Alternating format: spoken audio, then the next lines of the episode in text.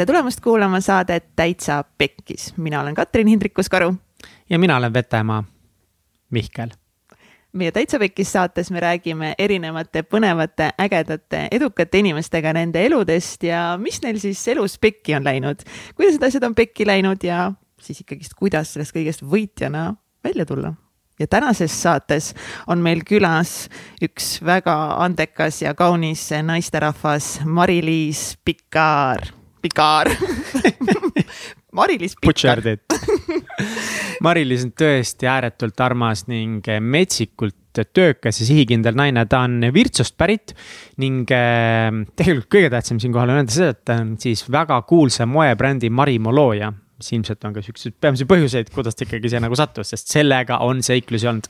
aga enne seda, kui ta oli väga kõva moebrändi looja, siis jaa, ta tuli eh, Virtsust. ta läks eh, Pärnusse keskkooli ning eh, pärast seda tuli Tallinnasse ülikooli ja ta on siis Tallinna ülikool, Tallinna ülikoolis, Tallinna Tehnikaülikoolis lõpetanud bakalaureuse issand, tekstiili. ja rõiva, tekstiili ja rõivatehnoloogia eriala. jah täpselt ja sellesama erialaga magistris lõpetanud cum laudega. ning eh, veel tema lapsepõlvest lahe, ta on inimene, kes on alati teinud hästi palju äh,, hästi intensiivselt, siis ta õppis näiteks noorena nelja erinevat pilli. klaverit, plokkflööti, kannelt ja kitarri. ja ta keskkooli ajal veel jätkas õpinguid ka Pärnu muusikakoolis. nii et äh, muusikat on ka ta kõvasti teinud oma elu jooksul ja, ja ta on lisaks sellele, et ta on muusikas väga tugev, on ta tugev ka veel näiteks füüsikas ja matemaatikas, ta on käinud erinevatel äh, olümpiaadidel. et ta on nagu varasest äh, lapsepõlvest ja noorena lihtsalt teinud niivõrd palju erinevaid asju. vist, et see, kes, äh, kuidas see lause oli, et kes teeb, see palju jõuab, kehtib tema kohta.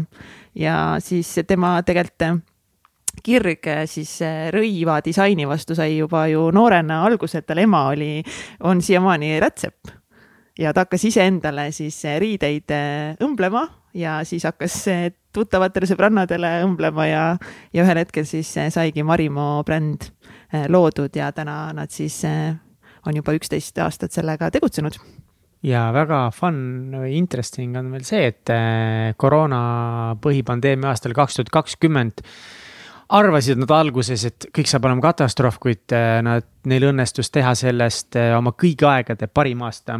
ning äh, Marimo on ka, või mitte Marimo, vaid Mari-Liis on tuntud ka selle poolest, et ta on oma mõlema lapse pärast sündi, siis kohe tagasi läinud tööle, päevad pärast sündi läinud tööle, pannud lapse kõhu külge ja mööda, mööda Eestit ja mööda, mööda kontorit ringi vuranud, nii et selles mõttes sõge naine, temaga oli tõesti ülisüdamlik ja väga-väga siiras vestlus. aga enne seda, kui me laseme sind seda kuulama, siis eh, meil on üli-ülivinge kampaania käimas eh, veebimajutusega me tegime nendega pika laheda saate, mis räägib kõik, kuidas teha veebi, miks teha veebi, millal mitte veebi teha, domeenid, mis need on, kuidas domeenidega pekki läheb, kuidas ei pekki lähe ülidetailne, ülilahe saade. ning kõik, kes te tahate just nüüd alustada lõpuks mingisuguse veebilehega, siis ideaalne võimalus on äh, minna meie soovituslingile, mis on veebimajutus.ee kaldkriips Taitsa Pekkis ehk siis veebimajutus.ee kaldkriips Taitsa Pekkis. ja te saate ühe euroga registreerida domeeni aastaks endale ning kolm kuud äh, siis äh, majutusteenust peale ning pärast kolme kuud hakkab siis tavatariif jooksma, nii et saate siis cancel dada või hakata aga maksma. seda juba saate vaadata siis sealtsamast äh, lehelt ja kui äh, see tänane Mari-Liisi saade sind mingilgi moel kõnetab, inspireerib, paneb mõtlema, siis jaga seda saadet vähemalt ühe oma sõbraga ja jaga muidugi ka Instagrami story des ja kirjuta meile, saada meile armastuskirju. ootame, ootame neid kirju väga ning eh, kui mõnel siin eh, kõssi on, kui kõssi voolab peale, kui sul on sihuke tunne, et, et sul on raha külluses, siis tead, mis ideaalne võimalus, lihtsalt juhuslikult praegu tuli lambist meelde, üldse ei tahtnud seda öelda. on see, et patreon.com kaldkriips täitsa pekis, kus saate tulla meie toetaja peresse, hakata meid toetama. siinkohal tänan südamest kõiki meie toetajaid, aitäh aitäh, et te seda teete, see aitab meil üüri maksta ning äh, ma ei tea, head kuulamist. jah, head kuulamist. tere. see on äh, kurepoos, mida ma teen, ma teen seda palju.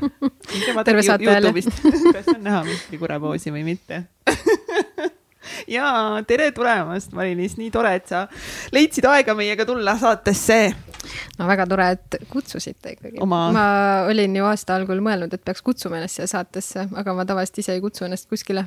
ja siis ikkagist lõpus sa võid jälle universumisse välja ja siin ja väga küsi, selliste ainult, ainult küsi, siis sa saad. mõnusate asjaolude kulgemisena sattusid sa meie saatesse, mis Jaa. ilmselgelt Saatus. pidigi niimoodi minema.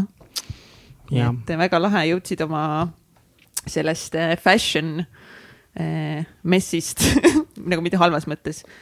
Ma kujutan ette, et eh, moetöö on selline hästi nagu kaootiline või sihuke nagu noh, vähemalt minu silmis ta on selline nagu kõik mingi jooksevad, siis keegi tuleb, mingi haarab selle kleidi, siis mõõdetakse nagu mingi vaata noh, et mingi hull mingi tramm. no ma olen eh, vapraid käib ilusaid näinud, täpselt nagu onju. väga palju no draamat ja on. show'de ajal ja no enne proove ja niimoodi, siis on muidugi, aga enamik äh, eeldavad, et hullult glamuurne, kogu aeg on glamuur, tegelikult ei ole. no kuidas siis tegelikult on, kuidas siis on tegelikult on moemaailmas?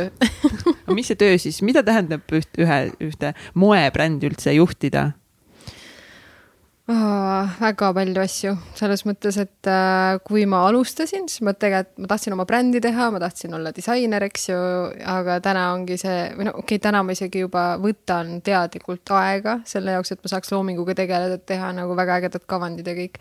aga noh, põhimõtteliselt, kui sa hakkad seda tegema, sa upud sellesse töösse, seda on nii palju ja siis sul on umbes nii, et võib-olla viis protsenti on looming või isegi vähem ja siis ülejäänu on kõik see muu krempel, eks ju.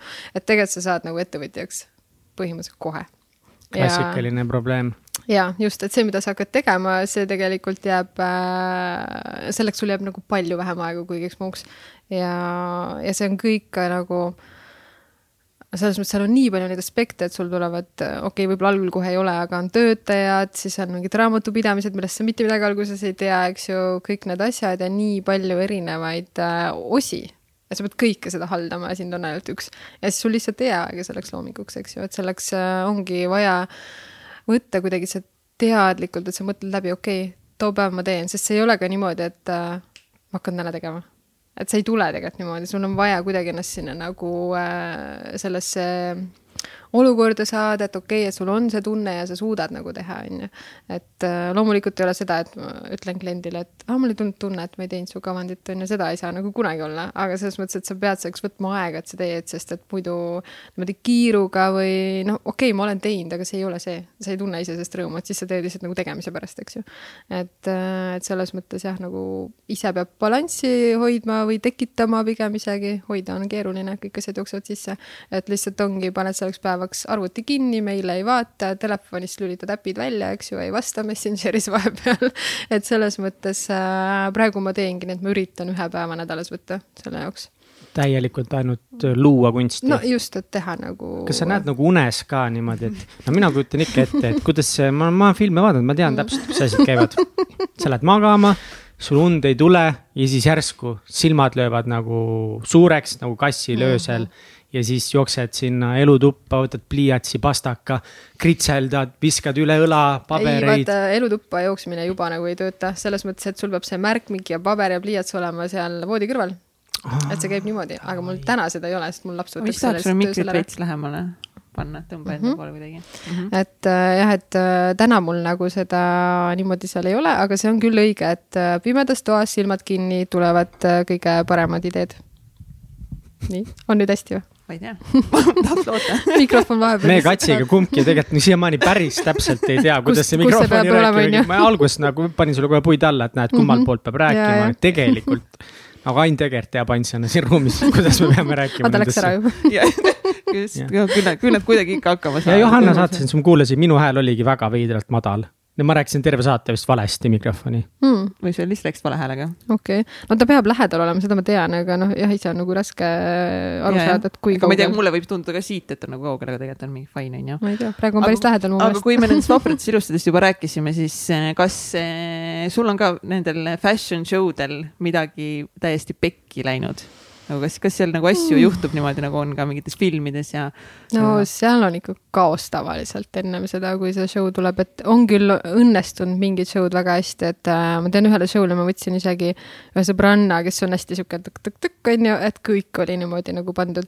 aga noh, seal on, kõik küsivad su käest enne midagi, sest kõigil on mingi asi, millest nad ei ole aru saanud või mida nad ei tea, eks ju, ja ma olen ju kõige õigem inimene, kelle käest küsida selles mõttes, eks ju, et ma tean kõike, onju, haldan seda asja. aga mm, no nendega on ikka olnud, et mingid asjad ei saa õigel ajal valmis, nagu viimasel hetkel veel, ma ei tea, seal lava taga veel teed midagi. ikka Õmbad see, see reaalne, et see ennem kui ta läheb nagu ikka kleiti siis selga, enne kui peab minema eh, lavale?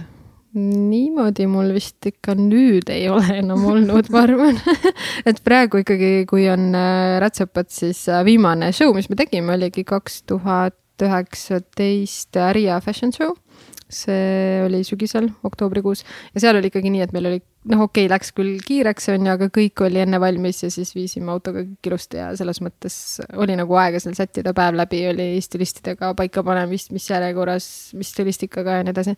et praegu on juba lihtsam, et on nagu tiim, aga alguses, kui ma tegin üksi, siis põhimõtteliselt sa õmbled ise seal lõpuni, eks ju, siis sa korraldad kõik selle tehnilise poole öösel, noh, kõik ööd on magamata, eks ju. ja, ja siis kuidagi seal äh, vaatad, et kõik saaks nagu lavale ja see on põhimõtteliselt kümme minutit, viisteist minutit. selles mõttes kõik selle nimel mitu kuud tööd. miks äh, miks üldse need fashion show'd, kuidas eesti keeles on, moe, moeshow. moeshow, miks moeshow'd olemas on, miks neid vaja on?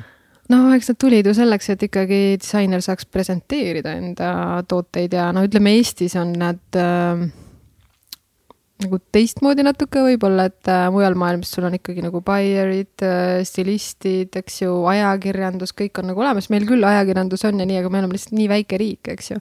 ja siin nagu väljastpoolt eriti ju ei ole ja sisseostjatena, noh, meil ei ole ju siin neid kohti sedasi. et äh, ütleme, Riias oli küll jah, et see esirida, sul on ikkagi nagu ajakirjad ja buyer'id ja seal nagu toimub sihuke suhtlus ja tänaseni tuleb nagu noh, just tuli üks agent, et noh, ma nägin teid seal, jäite silma, on ju, ja, ja räägime, arutame, mõtleme, mis võimalused on, eks ju. aga Eesti show'del nagu seda, seda varianti pole, siin sa põhimõtteliselt presenteerid ennast lihtsalt äh, oma lõpptarbijale põhimõtteliselt, eks. et äh, meie tegime alguses päris palju suuri show sid just sellepärast, et kuna ma olen äh, maalaps mul ei olnud siin kontakte, eks ju, sa pead kuidagi ennast nagu näitama ja, ja nagu noh, näitama, et sa oled nagu mingil tasemel, eks ju, sest muidu, kui sa ennast ei näita, keegi ei tea, et sa olemas oled. et äh,. aga kuidas üldse saab nendele fashion moeshow dele, moeshow'd? Äh, no selles mõttes Riiga näiteks meid kutsuti, eks ju, meid on mujale ka kutsutud äh,, New Yorki ja igale poole, aga, aga no selles mõttes, et see on nagu väga vaja nagu valida, et kui sa vaatad, mis see nagu maksma sulle läheb ja millisel laval sa seal oled, et ega nad ei kutsu sind sinna pealavale, eks ju. No kas mõttes... sind on kutsutud siis sinna New York Fashion Weekile või? jaa, aga mingi, ma ei mäleta, ma ei mäleta, mis, mis lava see oli, aga kui sa panedki nagu selle noh, perspektiivi, kui palju see läheb nagu finantsiliselt äh, meile maksma, eks ju, ja mis sa sealt siis lõpuks nagu saad, eks ju, selles mõttes, et kas sa jääd seal väiksemal laval silma ja nii edasi, et et äh, siiamaani ma ei ole neid asju nagu vastu võtnud, et neid. aga mis on kõige suurem olnud? Ma arvan, see ju New York ongi, et sinna oli muidugi. aga sinna sa ei läinud, aga kus, kus sa läinud? aga kus ma läinud, Riia ongi olnud meil kõige suurem jah, sest et ütleme, Tallinn Fashion Weekil me oleme olnud paar korda ja oleme ise teinud show sid, aga noh, ütleme Eesti on väga väike, eks. naljakas, mul nagu Riia tunduks sama väike kui Tallinn, kuigi ma tean tegelikult Läti on suurem ja Riia on suurem, aga. lihtsalt see Riia nagu Fashion Week on suurem Okay. ja ta on nagu kauem aastaid on teda tehtud ja, ja seal on nagu rohkem rahvast kohal ja selles mõttes ta on ikkagi nagu Eesti omaga võrreldes nagu äh, noh, võimsam natukene. jah, ja seal käib neid buyereid mujalt ka kohal, eks ju, et Eestis minu teada hetkel mitte. sa ütlesid nii armsasti, et sa oled maalaps ja, noh, me räägime, me räägime mingit New Yorkidest ja fashion'ist ja siis filmil, filmides on hästi see stereotüüp paigas, et sul on see maatüdruk, kes satub täpselt sinna moelinna, kõik on snoobid ja kõik on uhked. Vogue'i assistendiks jah. ja Vogue'i assistent, mis see, mis asi see oli, Devil Wears Prada või? ja, ja. ja ma olen seda filmi mitu korda vaadanud, see on mm -hmm. hullult lahe film mm. -hmm. ma väga palju mäletan sellest kas siis, kas Eesti moemaastik on ka snoob või kas sa üldse tundsid, mul on mitu küsimust mm. sees, aga hoopis ma küsin niimoodi, et. kas sul oli raske leida kohta endale kuidagi nii-öelda kunstniku ja disaineri ja moeloojani, moeloojana? no selles Eestis. mõttes ei olnud nagu raske leida kohta, et ma hakkasin oma asja tegema koht oli olemas et selles mõttes äh, pigem mitte, et mul oli mm, mul oli see unistus ikkagi nagu juba keskkoolis, et ma tahan oma asja teha, eks ju, ja selles suunas ma liikusin. loomulikult, kui ma ei saanud äh, Kunstiakadeemiasse sisse kaheksateistaastasena, ma olin väga nördinud, eks ju, ja mulle öeldi, et sul on oma stiil juba olemas ja ja ma ei saanud sellest toona üldse nagu aru, et mis mõttes, mida see tähendab, et kui ma nagu oskan õmmelda, oskan nagu kavandada, et noh, et mm, miks nagu. mis kohale sa täpselt kandideerisid seal või mis erialale? moedisaini moedisaini? nii, oota, mis asja? Marimo, meil on siin Marimo karbid laua peal, sul on see jakk seal ja sulle öeldi EKA-s, et ei võta vastu. no vaata, siin on väga suur konkurents, eks ju, ühele kohale minu meelest oli too aasta vist võeti kaks äkki tasuta inimest äh, üldse. Okay.. ja, ja selles mõttes jah, mul oligi see, et ma juba õmblesin, tegin, mul oli väga kindel oma stiil too hetk ka.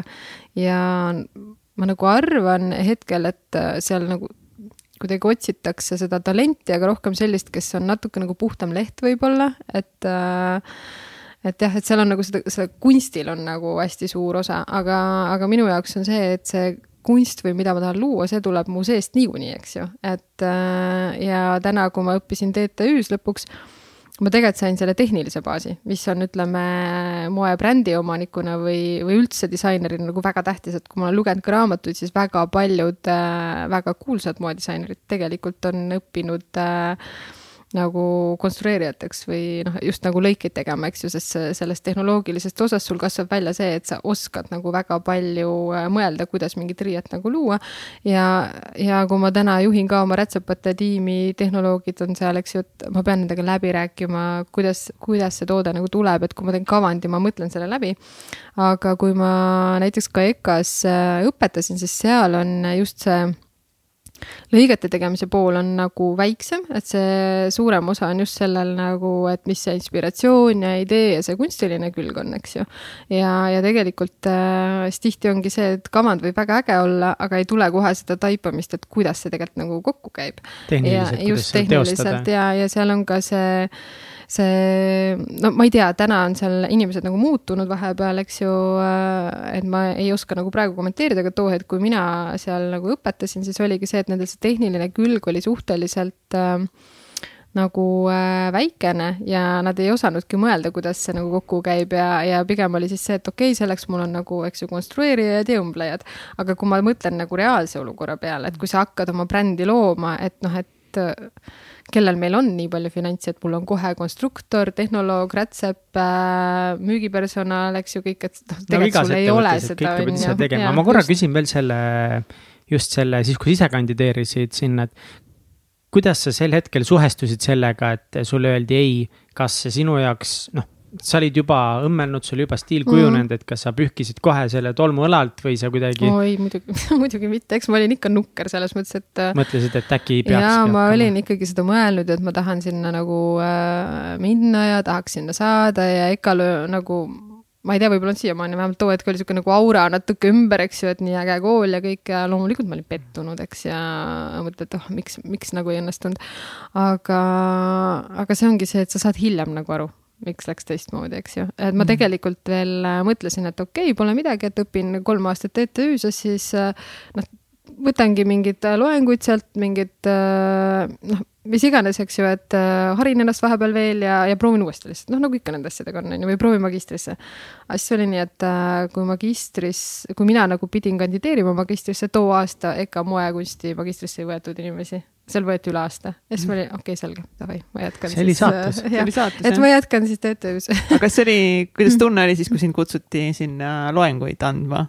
et mingi ahaa, mind ei tahetud, aga nüüd, nüüd, nüüd no, ma tulen. natuke nagu oli jah, et too aeg, äh, kui ähm, noh, ma olin seal juba majas sees, eks ju, olnud, ma olin äh, teinud äh, nagu tekstiiliosakonnas tööd ja kui moeosakonna juhataja mind jah, kutsus neid loenguid andma, siis see oligi nagu see, et et äh, meie lõpetajatel see tehnoloogiline pool äh, on nagu nõrgem ja, ja just, et oleks vaja siis inimest, kellel on see tugevam, siis ma mõtlesin küll natuke, et nojah, et õppima ma siia ei sobinud, on ju, aga nüüd ma nagu sii-, noh, nagu õpetama uh. sobin, on ju. et äh, eks ikka oli selline tunne, aga noh, samas on võib-olla ühtepidi nagu uhke tunne ka, eks ju. et äh, aga noh, samas ma tunnen ise, noh, kogu aeg olen tundnud, et tegelikult on nii, et on mingi EKA ring ja siis on mitte Ekaring, kes nagu disaini valdkonnas on, eks ju, ja ma arvan, et see noh, see on olemas, ma ei ole ainuke, kes seda arvab ja ma arvan, et see mõnda aega jääb ka nii, sest et noh, ikkagi nemad nagu koolitavad ju ainsana põhimõtteliselt moekunstnikke, mujal seda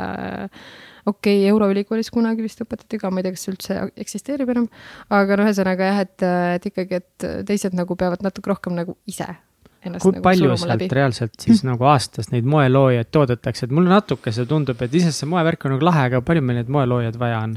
no sellega ongi see probleem, et äh, ütleme, et kui ma mõtlesingi seda nende, seda mõttemalli nagu too hetk, kui ma õpetasin seal, et jaa, et ma lähen, äh, eks ju, tööle, mul on need õmblejad, konstruktorid, ja kui sa lähed nagu suurde ettevõttesse nagu Baltika või midagi, siis sul on, eks ju, aga, aga noh, kui palju meil on suuri ettevõtteid, meil praktiliselt polegi. ja need, kes on teinud oma moemajad, eks no selles mõttes üldiselt nad ei võta omale disaineri assistenti, keda nad panevad enda eest seda loomingut tegema, eks ju, et kõik on alustanud ju sellepärast, nad ise tahavad seda teha, eks ju. ja keegi ei ole nagu nii suureks veel kasvanud, et oleks tohutut disaineri assistentide tiimi vaja. et äh, ma ei tea, palju täna seal on äh,, aga siis, kui me õpetasime, vist viimasel kursusel oli vist üksteist inimest. ma ei oska öelda, kui palju nendest nagu lõpetavad, eks ju, et see mul nagu info puudub aga noh, sealt ikka tuleb neid inimesi, aga ütlemegi nii, et ega tegelikult neid säravaid tähti, keda me nagu teame, ju väga palju noh, ei ole, eks mm. -hmm. et äh, aga no ma arvan, see on samas iga erialaga niimoodi. et äh, selles mõttes TTÜ-s ka kuvad, et ta alustab suur kursus, sada kolmkümmend inimest, lõpetab kolmkümmend, eks ju. no sa võid võtta IT, kus lõpetab vist päris palju ja kõik, seal on see probleem, nad ei lõpeta sellepärast, et neil on tööpakkumisi nii palju no jaa, sest et nendel on lihtsalt see, et töö mm -hmm. tuleb juba sisse ja vahele ja sul jääb see kool lihtsalt õpetamata, sest sul tundub, et mul ei ole selle paberiga enam midagi teha, sest mul on nii palju kogemust juba mm. -hmm. väga ebaõiglane natuke see mm. -hmm aga millal siis, millal sinus see tegelikult see disaineri kirg siis ikkagist nagu põlema eh, lõi, et kas hakkasid ise endale riideid tegema, disainima või kuidas sul see äh, alguse sai? no see algus on üldse see, et mul on ema rätsep, ta õmbles endale asju, meile lastena asju ja siis ühel hetkel, ma ei mäleta seda täpset vanust, aga igal juhul ühel hetkel ta ütles, et noh, et proovige nüüd ise ka, et mul on kaks õde ka, eks ju veel ja, ja siis tuligi see, et noh proovige nagu ise endale teha. ja mäletan, et ma olin kuskil kümme, üksteist, kui ma juba tegin endale mingeid asju, enne seda ma tegin õenukkudele, sest ma ise nukkudega mulle ei meeldinud nagu väga mängida, et mul barbid kõik seisavad siiamaani karpides. aga, aga jah, et sealt see kuidagi nagu tuli ja, ja siis kooli peal oli ka, et me olime endale mingid ägedad asjad teinud nagu mina ja õed, eks ju, ja siis hakkasid teised nagu vaatama selle järgi ja ja kui ma Pärnusse keskkooli läksin, siis seal hakkasid nagu need moeshow'd, et oli võimalus kuskil osaleda ja näidata, et mida sa nagu teed, eks ju, jaa. et seal oligi, algul oli kooli moeshow, siis oli mingi Pärnu moeshow ja siis oli mingi noorte asjad, eks ju. et siis hakkas kuidagi see tulema ja, ja oli neid erinevaid võimalusi, kuhu sa said nagu osalema, kandideerida, eks ju et äh, jah, ja kuidagi keskkoolis siis nagu ta kasvaski niimoodi, et seal hakkasid tulema eri e,, esimesed siuksed erinevad tellimustööd neid ma nagu tegin pigem siis oma sõbrannadele alguses ja siis ta nagu kasvas ja ülikooli ajal siis see mõte noh, kogu aeg oli nagu peas ja keeras ühtepidi, teistpidi, eks. kui palju et... sa küsisid raha keskkoolis? Ma ei mäleta niimoodi, kindlasti vähe ega ma ei julgenud, ei julgenud nagu küsida algul väga. sada või sada korda vähem võib-olla, kui täna. ja, ja kindlasti nagu, et. aga see on nagu vahva olla ikka nagu mingi. no ikkagi sul on mingi enda, enda väike raha ikka vaata, eks ju, et äh, teed ja, ja kuidagi see, et sa oled nagu ise loonud midagi, ise valmis selle teinud ja siis sa saad selle eest nagu selle tasu, eks ju, et ma arvan, et see oli ikkagi väga, väga hea tunne too hetk, jah. ma isegi ei kujuta ette mulle andis issi raha, see oli ka äge tunne. No vaata, kellele mis oli. Aga kui palju täna, nagu see stiil, mis sa täna teed, erines sellest, mis sa, mis sa noorena tegid? no ikka väga, kindlasti. Selles mõttes jah, et kuskil seal keskkooli ajal oli mul selline pungi-roki stiil üldse ja kõik riided olid mustad, juuksed olid mustaks värvitud ja kõik sihuke, et ma olin hoopis teist stiili. ja, ja ülikooli algul veel oli ka nagu sarnane ja, ja siis hakkas nagu vaikselt muutuma, eks ju, et siukseks naiselikumaks ja, ja tulid kontsakingad ja muud sellised asjad, eks ju, et selles mõttes kuidagi see stiil on muutunud ajas ja ikkagi ma arvan juba, no ta on tükk aega tegelikult ongi, et on läinud nagu järjest klassikalisemaks, kasvanud nagu minuga koos. aga mäletan ülikoolis ka, et kui mõtlen näiteks oma lõpukleitide peale, et see ül, nagu äh, üldmulje või üld, üldine sihuke kleit võiks, võis olla nagu selline klassikaline, aga seal pidi mingi twist olema, eks ju, et kas mingi, näiteks mul oli magistri lõpetamisel kollane kleit äh, väga ägeda musta kivikestega vööga ja pannal oli siis äh, kuldne rott noh, et selles mõttes, et noh, ma pidin midagi alati nagu lisama, mis andis mingisuguse. sa võiksid nagu teha presidendile ekstra. midagi sellist, see oleks mega lahe, kui ta oleks mingi suur kuldne rott kuskil, see oleks nii cool. aga kas sa, kas sa keskkoolis või seal ülikooli alguses või põhikoolis, sa juba, kas sa nagu teadsid, teadsid, et no matter what ma teen sellest endale karjääri või see oli pigem unistus. kas sul oli mingisuguseid hirme selles osas, et kas see võib olla asi, millega sa üldse suudad kunagi ära elatada ennast või mul on miljon küsimust vahepeal nüüd. või kuidas su pere suhtus sellesse, et kui, et noh, et kelleks sina suurem tahad saada, no ma tahan moeloojaks saada, siis see tuleb. kuule, kullakene, see on megatore mõte, aga äkki ikka lähed juurat ka õppima selles mõttes meil sellist vestlust vanematega ei olnud, et nad oleks äh, öelnud, et ära ikka seda õpi, sest tegelikult ma õppisin ju TTÜ-s ja noh, see haridus, mis ma sealt sain, oli noh, väga hea, eks ju. aga, aga pigem oli see küll, et kuna mul ema-isa mõlemad on ettevõtlusega tegelenud, kui me olime nooremad, siis ema oli küll ikka mitu korda usutles, et kas sa ikka oled kindel, et sa tahad seda teha, et see on ikkagi raske, mul on olnud töötajad, ma tean, mis see tähendab, eks ju, et äh, selles mõttes, aga too hetk ma olin juba, et ei, ma ikkagi tahan seda teha ja ma ikkagi hakkan tegema, eks ju. et ähm, aga ega ülikooli ajal muidugi oli see, et ma ikkagi käisin eri kohtades praktikal ja, ja peale ülikooli lõpetamist kandideerisin nagu erinevatesse ettevõtetesse tööle, aga too hetk oli kõige suurem masu, kaks tuhat üheksa, kui ma lõpetasin. ja ma olin absoluutselt väga mitu kohta, kus ma olin selle kahe kõige parema kandidaadi seas ja kogu aeg võeti see inimene, kellel oli kümme aastat äh, töökogemust, sest see ettevõtja perspektiivist vaadates ma saan sellest aru, sest sa võtad inimese, kes teab juba, mida ta teeb, eks ju, et teine tuleb otse koolipingist, sa pead hakkama talle õpetama, vahet ei ole ju, kui tark ta on, aga tal ei ole seda kogemust lihtsalt.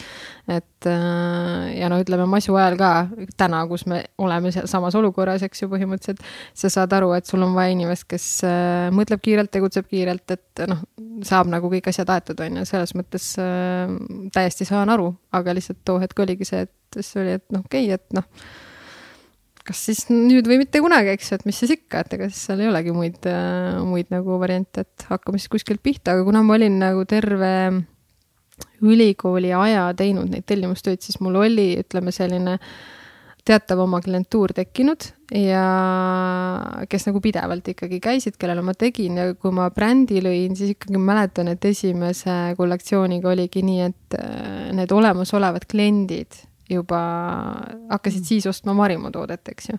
et äh, selles mõttes see üleminek oli natuke võib-olla äh, isegi nagu kergem, et mul oli ikkagi mingi baas juba nagu loodud, eks ju, et ma olin selles mõttes juba terve ülikooli viis aastat, eks ju, baka ja magistriaeg sellega nagu tegelenud, et siis need inimesed, mitte kõik kindlasti, aga mingi hulk tuli üle ja siis hakkas neid inimesi nagu juurde tulema. kas need olid siis juba selles mõttes nagu võõramad inimesed ka, kes olid mingi soovituste peale juba tulnud? ja, ja just, et äh, selles mõttes too hetk ikkagi kõik mul toimus niimoodi, et äh, üks inimene soovitas teisele, tema soovitas kolmandale, eks ju, või sõbranna soovitas kellelegi, et selles mõttes äh, selline hästi orgaaniline oli kõik ja tegelikult ma täna ütlen ka, et kõige parem reklaam on see suust suhu reklaam, sest et kui sa saad usalduse peale selle, no, noh, et sa tuled usalduse peale, et sa, sa tuledki nii, et sa juba nagu usaldad mind, sest keegi, kes on sulle lähedane inimene, on soovitanud, eks ju, ja ta on olnud väga rahul. et äh, selles mõttes see reklaam on minu meelest kõige parem reklaam ma olen nõus, see levib ka nagu, mingi hetk see lihtsalt levib nii-öelda eksponentsiaalselt täpselt, et kui iga inimene ja. nagu, kes jääb rahule, soovitab kahele inimesele. sellega on üks aga tegelikult nii. naiste puhul. Eriti kui nad, eriti kui nad oskavad või ostavad sellist kallist ja. kvaliteetset asja, et ega nad ei taha alati soovitada, kust nad said selle, sest et miks nad ei taha, et sõbranna käiks no, samasuguse sama kleidiga. Mm, aga miks mitte, see oleks nii fucking cool lihtsalt, kui mina ja mu vend Eerik näiteks kahekesi lähme täpselt nagu kuskile peole mingi matching, mingid pusad, ülistiilsed, kuldsed rotikesed on õlgade peal. no rotikesi ma ei ole ammu teinud muidu ei, mis asja, back it, bring back it, vot Mihkel. ja siis noh, mingi täitsa pekkis logo paned mhm. kuskile mm. nagu identsed vennaga lähme, Egert ka kolmekesi halloo, ülilahe, kõik see on vaatavad. naiste teema, see on naiste teema, et pigem on, jah. Äh, ja on erinevad inimesed, mõnel on noh, ei ole sellega üldse probleemi, eks ju, aga teine inimene, ta ei, ta nagu üldse ei kannata, kui keegi tuleks sama kleidiga. et noh, nagu meil presidendi vastuvõtt, eks ju, et no. aga tegelikult see on alati... veits tobe. see presidendi vastuvõtt asi, tead, see on veits tobe. nagu ma, vahepeal ma ei saa sellest nagu aru. sinna läheb nii palju raha ja, ja aega ja, ja siis vaene president peab tunde seal lihtsalt seisma ja kätlema ja nagu, ei selles mõttes nagu peod on toredad, aga kuidagi noh, et, et nii palju energiat sellel peol läheb sellele nagu, kuidas inimesed kõnnivad kümme meetrit. ja kuidas nad välja näevad. ja kuidas nad välja näevad, see on nagu mm -hmm. kogu aur ja siis me räägime sellest ainult mm. -hmm no ütleme jällegi äh, moeloojana on see selles mõttes nagu hästi tore üritus mm., sest et muidu neid pikakleidi üritusi on Eestis ju väga-väga vähe, eks ju. et ütleme, mingite suurettevõtete nagu peod ja, ja sellised asjad on, aga, aga ütleme jah, et kui sa tahad nagu midagi ägedat teha, siis see ongi üks koht, kuhu teha ja nüüd tegelikult kaks aastat ei ole seda olnud, ei, üks aasta ei ole seda olnud, jah, see aasta ei olnud, eks ju, eelmine aasta algul veel oli. et noh, et selles mõttes jälle moemajadele, siin oli minu arust selle aasta algul nagu väga palju juttu ka sellest, et, et kui palju need käibed nagu siis kukuvad, eks ju, sest et see periood jääb ära. sest et väga paljudest moemajadest läheb ikkagi kümme pluss kleiti sinna ja nad ja, on ju, jah, nad on kallid custom made, eks ju. ja et selles mõttes ta jälle moemajal on hea koht ja hea koht, kus ennast ka näidata, et kui sa jääd ikkagi pilti et siis see on ju selles mõttes äh, super, et sealt tulevad järgmised inimesed äh,. ma ei mäleta enam, mis aasta see oli, kas see oli kaks tuhat kuusteist vist, et äh, siis meil oli ka nii, et meil käis äh, üks naine seal, kes oli igal pool topis, noh, esimesest kolmani, noh ta oli kas esimene, esimene kuni kolmas koht oli mille tal. topis äh,? no need topid, mida tehakse, jah, ütleme Postimees, Õhtuleht, Kroonika, kõik teevad, eks ju. Mhm. ja ta oli igal pool neis nagu sees ja, ja selle kleidi peale tuli väga palju inimesi järgnemistel aastatel, sest neil tekkis sellest nagu usaldus, eks ju, sest mm -hmm. seal oli mainitud, kelle kleit see on. ja, ja selles mõttes, kui me ka postitasime enda sotsiaalmeediasse, no see sai ikka väga palju jagamisi, väga palju like imisi ja noh, siiamaani, et teil oli üks aasta selline kleit seal, et äh, vastuvõtul, eks ju. et äh, aga see noh, ma, ma ei ütleks, et see on alati ainult nagu kleit, seal peab nagu mängima ka see, et inimene oskab poseerida, ta oskab olla, et selles mõttes, et see foto peab nagu tegelikult töötama. et äh, mõni väga ilus kleit lihtsalt ei tööta fotol et mm -hmm. see ei ole alati nagu ka see, eks ju, kui seal seina juures midagi nagu ebaõnnestub, eks ju, et see ei ole nagu, ei ole nagu kleidi süü alati. aga kas sa alguses ülikooli ajal näiteks, sa tegid ükskõik mida, et nagu keegi tuli sinu juurde, et kuule, ma tahaks mingeid lahedaid pükse, ma tahaks pusa, ma tahaks kleiti, sa tegid ükskõik mida? siis ma ikkagi nagu mõtlesin äh, jah, selles mõttes, et pigem, äh, pigem rohkem nagu isegi sellest kliendi perspektiivist, et mis ta soov on, eks ju, ja eks ma tahtsin ennast arendada nagu igakülgselt, on ju, ja, ja kuidagi mul on kogu aeg see julgus nagu olnud, et okei okay,, et äh, ah, mingi uus asi, davai, proovime, on ju, selles mõttes, et äh, seda ma olen küll kogu aeg nagu teinud, jah. aga no täna muidugi, selles mõttes me ikkagi äh,, ikkagi nagu äh, teeme mingit suhteliselt kindlat nagu oma stiili, et kui keegi äh, tuleb küsima midagi, mis on mõne teise disaineri nägu, siis ma ütlen, et parem mine nagu sinna, on ju, et see pole nagu äh, see, mida mina tahaks teha, eks ju. mis on kõige veidram või crazy im riidese, mis sa kunagi teinud oled, kas üliõpilasena hmm. või, või nüüd või? kõige crazy im. nojah, no mingi mm. full veider asi, mingi kummikutest seelik või midagi. aa, isegi ei kummikutest seelikud. mul on kogu aeg olnud, äh, kogu aeg olnud ähm, kuidagi see mõtteviis, et ma ei ole aru saanud sellest, et aa, teeme prügikotist mingeid kleite kuskile moeshow'le, eks ju, et minu meelest nagu see riie peab olema kantav. ja selles, selles suhtes ähm, noh, ongi vahel, et võib-olla nad ei ole nii vaud kõik asjad, sest ma mõtlen sellele, et inimene, noh, naisterahvas, kes ostab, on ju, ta peab saama seda kanda.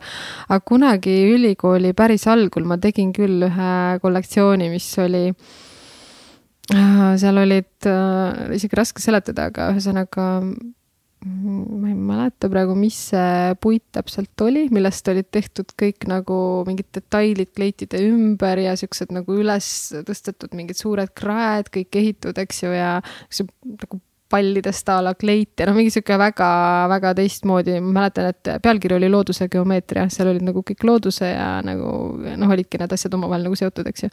ja sellega ma võitsin ka mingi Pärnus mingi moeasju, täpselt ei mäleta enam, mis selle nimi oli aga jah, et selles mõttes äh, jah, seal ma ikka nagu panin hullu nii-öelda sõrmed olid villis ja katki ja, ja õmblusmasin juba hakkas alla andma ja kõik siuksed asjad. no seal oli väga palju liimimist ja mingit siukest asja, mis tegelikult ei ole sihuke igapäevane võib-olla moemajatöö on ju. kuidas see ettevõtlus sinu jaoks siis äh, lõpuks nagu täiesti algas, et, et sa said aru, et masu ajal tööd leida on väga raske, kogu aeg said toppi, aga valiti mingi hobu, kes oli kaua töötanud juba mm., et äh, et üks pool sinu jaoks oli väga loomulik juba, et sul olid need kliendid, kellele sa tegid äh, muudkui mingeid asju, et see mingil määral nagu jätkus, lihtsalt sa tegid selle brändi juurde Marimaga. aga mis olid sellised asjad, mis olid täiesti uued sulle või mingisugused protsessid, mida sa pidid hakkama järsku välja mõtlema või siuksed esimesed võib-olla mingid väljakutsed mingitest valdkondadest, millega sa ei olnud enne kokku puutunud?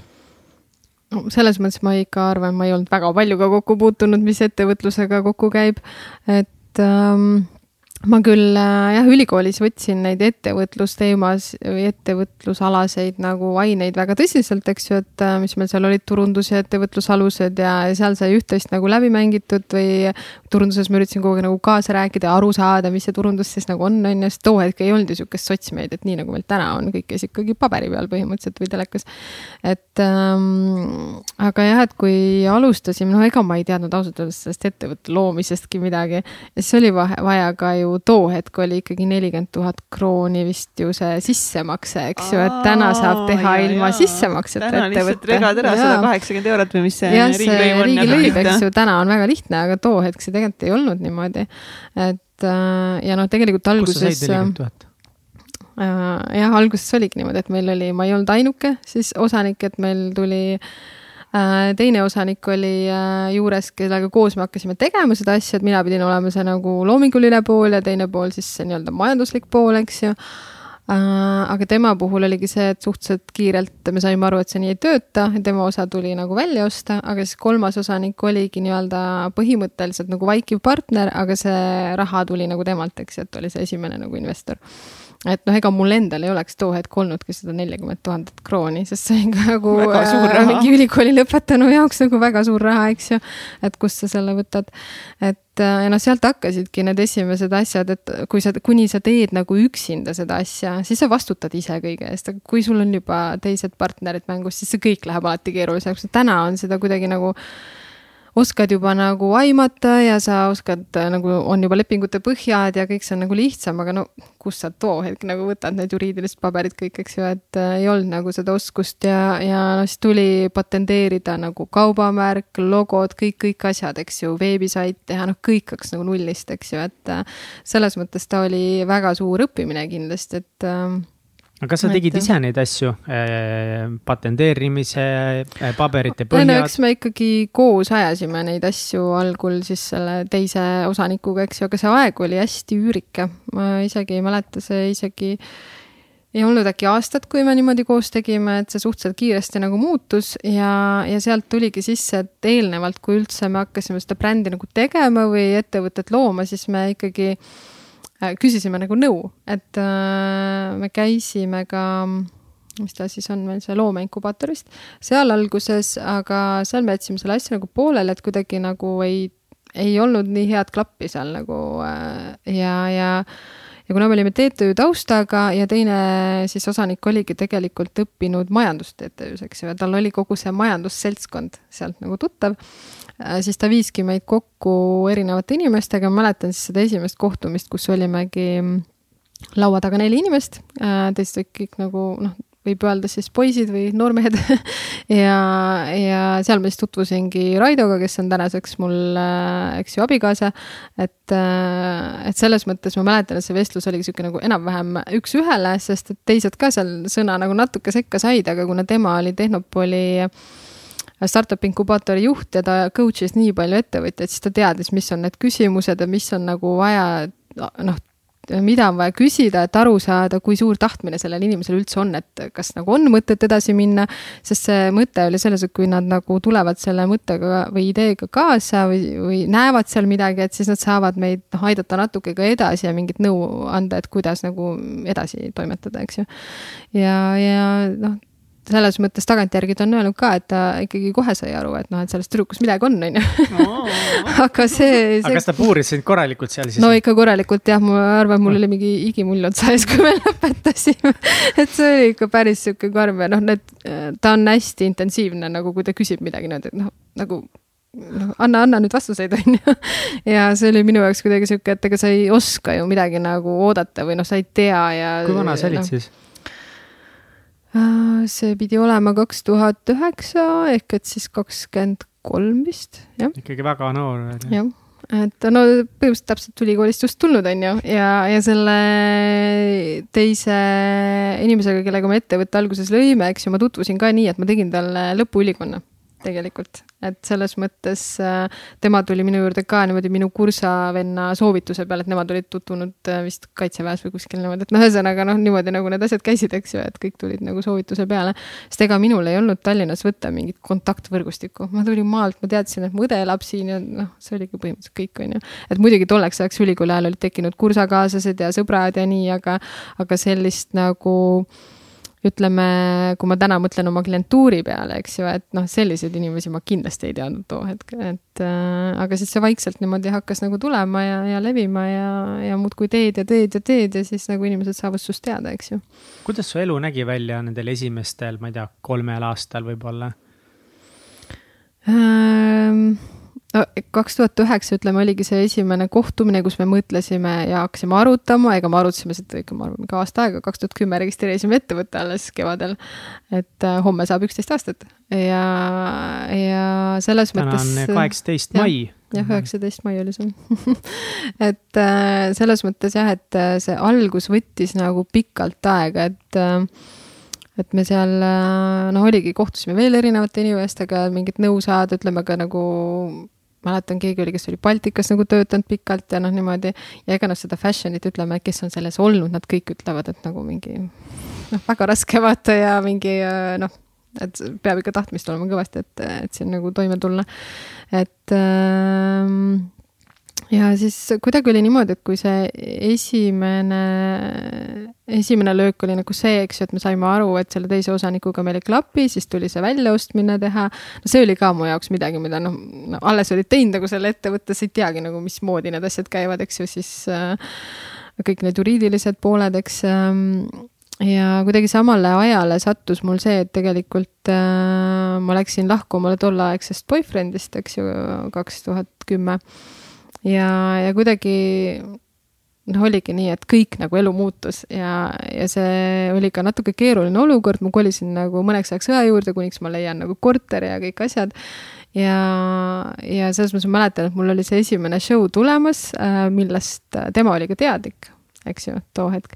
ja, ja kuidagi äh, ei osanud nagu seda, sellist asja inimesest oodata või ma alati, alati arvan inimest kõige paremat, eks ju. ja, ja siis äh, oligi nii, et mäletan ühel hetkel ma olin seal ühe korteris lihtsalt mingi käed väri saanud, ma olin nagu nii läbi omadega, et äh, noh, keegi käib sul kolistamas ukse taga ja ütleb, et kui sa oleks, kui sa vaid teaks, mida ma oleks teinud, kui äh, kui ma oleks kodus olnud, kui sa käisid oma asju ära viimas ja no mingid siuksed asjad, eks ju, et noh, et nagu vaimselt väga väsitav sellel hetkel, kui sa üritad oma ettevõtet nagu. et see lahkuminek oli selles mõttes hästi keeruline. ja ta oli keeruline jah, seal kõrval ja, ja siis noh, oligi, tuli see esimene nagu show ja siis sealt tuli hakata nagu seda brändi kuidagi turundama, mingeid pressiteateid ise kirjutama ja kõik see teema. aga kuna ma kolisingi ähm, eraldi, eks ju, ma leidsin suhteliselt kiiresti omale korteri ja, ja kõik selles mõttes oli nagu äh, tore, aga me olime just ennem seda käinud kusjuures koos nagu reisil, eks ju, ja kõik justkui oli nagu hästi. ja, ja ma olin seal ikka nagu laristanud oma sääste päris kõvasti ja siis hakkad vaatama, et okei okay,, et noh, et sääste nagu on ja natuke aega saab hakkama, aga peab midagi nagu vaatama, sest ega see nagu ettevõte sul kohe ju tohutult nagu sisse ei too. viib välja. jah, pigem küll, eks ju, ja siis alguses oligi, et ma tegin neid tellimustöid edasi ja siis vaikselt nagu hakkasin vaatama, et äh, okei okay,, et peaks ikka mingit tööd otsima. ja siis ma läksin äh, tegelikult paralleelselt siis EKA-sse tekstiiliosakonda assistendiks alguses ja, ja seal ma ei olnud nagu väga kaua, sest ma sain aru, et see töö, noh, et ma olen lihtsalt ülekvalifitseeritud, on ju. mis see tekstiiliosakonna assistent teeb? ah oh,, erinevaid asju assisteerib ma ei mäleta, seal olid äh, äh, ütleme mm, mingid äh, loengud, mis ma ei teagi, kuidas seda nimetada, mingid see ajakava nagu paikapanekud ja mingid tudengitega suhtlemised ja, ja noh, ongi osakonna juhataja assisteerimine, noh, täpselt täpselt nii, nagu sa võid seda mõelda nagu on ju, et mis see on, jah, just. et ta oli selline nagu kaheksast viieni töö, eks ju, ja noh, selles mõttes ta muidugi pärssis mul seda oma ettevõtte ja, teemat, eks ju, päris kõvasti. sul olid ju, see oli, sel ajal olid ikka veel selles äh, nagu nõustamise programmis siis seal? ei või..., too hetk oligi niimoodi, et ähm,. aga mida ma tahtsin küsida, ma korra segan vahele, see, et, et ähm, kas see oli nagu pigem lihtne otsus, et ma olen ka näinud enne ettevõtjaid, eh, kel on see küsimus, et kurat, et kas peaks minema nagu praegu kuskil lisatööd otsima mm.. see on väga raske otsus, see on väga raske küsimus, et kas jagada oma aega kas äkki ma punnitan, alati on see lootus, et äkki kui ma rohkem teen, kui ma öö läbi üleval olen. Mhm. et äkki mul ikka õnnestub nüüd nagu kuidagi see välja leida, et kuidas sa enda jaoks ratsionaliseerisid selle ära või see oli väga lihtne, et homme ma ei saa süüa osta, ma pean minema tööle. ja kuidas teised andsid sulle nõu siis selle kõrval, et kas see on hea või halb mõte mm.? Äh, kui ma läksin tööle EKA-sse, see tegelikult oli kaks tuhat üksteist augustis, et noh, me oli ikka see ettevõte juba nagu aasta ja natuke peale nagu toiminud, on ju et aga see algus oligi vaikne, sest et noh, oli kõik need, äh, ütleme, oligi need äh, brändid ja logod ja need patenteerimised, see kõik võtab aega, eks ju, ja see veebisait ja nii. aga noh, ega ta ei lähe käima sul kohe nii, et kohe hakkab jõhkrat raha sisse voolama, eks ju, et ja ta ei pruugi kunagi minna, absoluutselt. aga too hetk, ähm, no mul oli seal üks mõte nagu veel, et kuidagi noh, sinna EKA nagu ka sellesse seltskonda natuke rohkem nagu sulanduda või saada sellest nagu aru, mis seal nagu toimub, eks ju.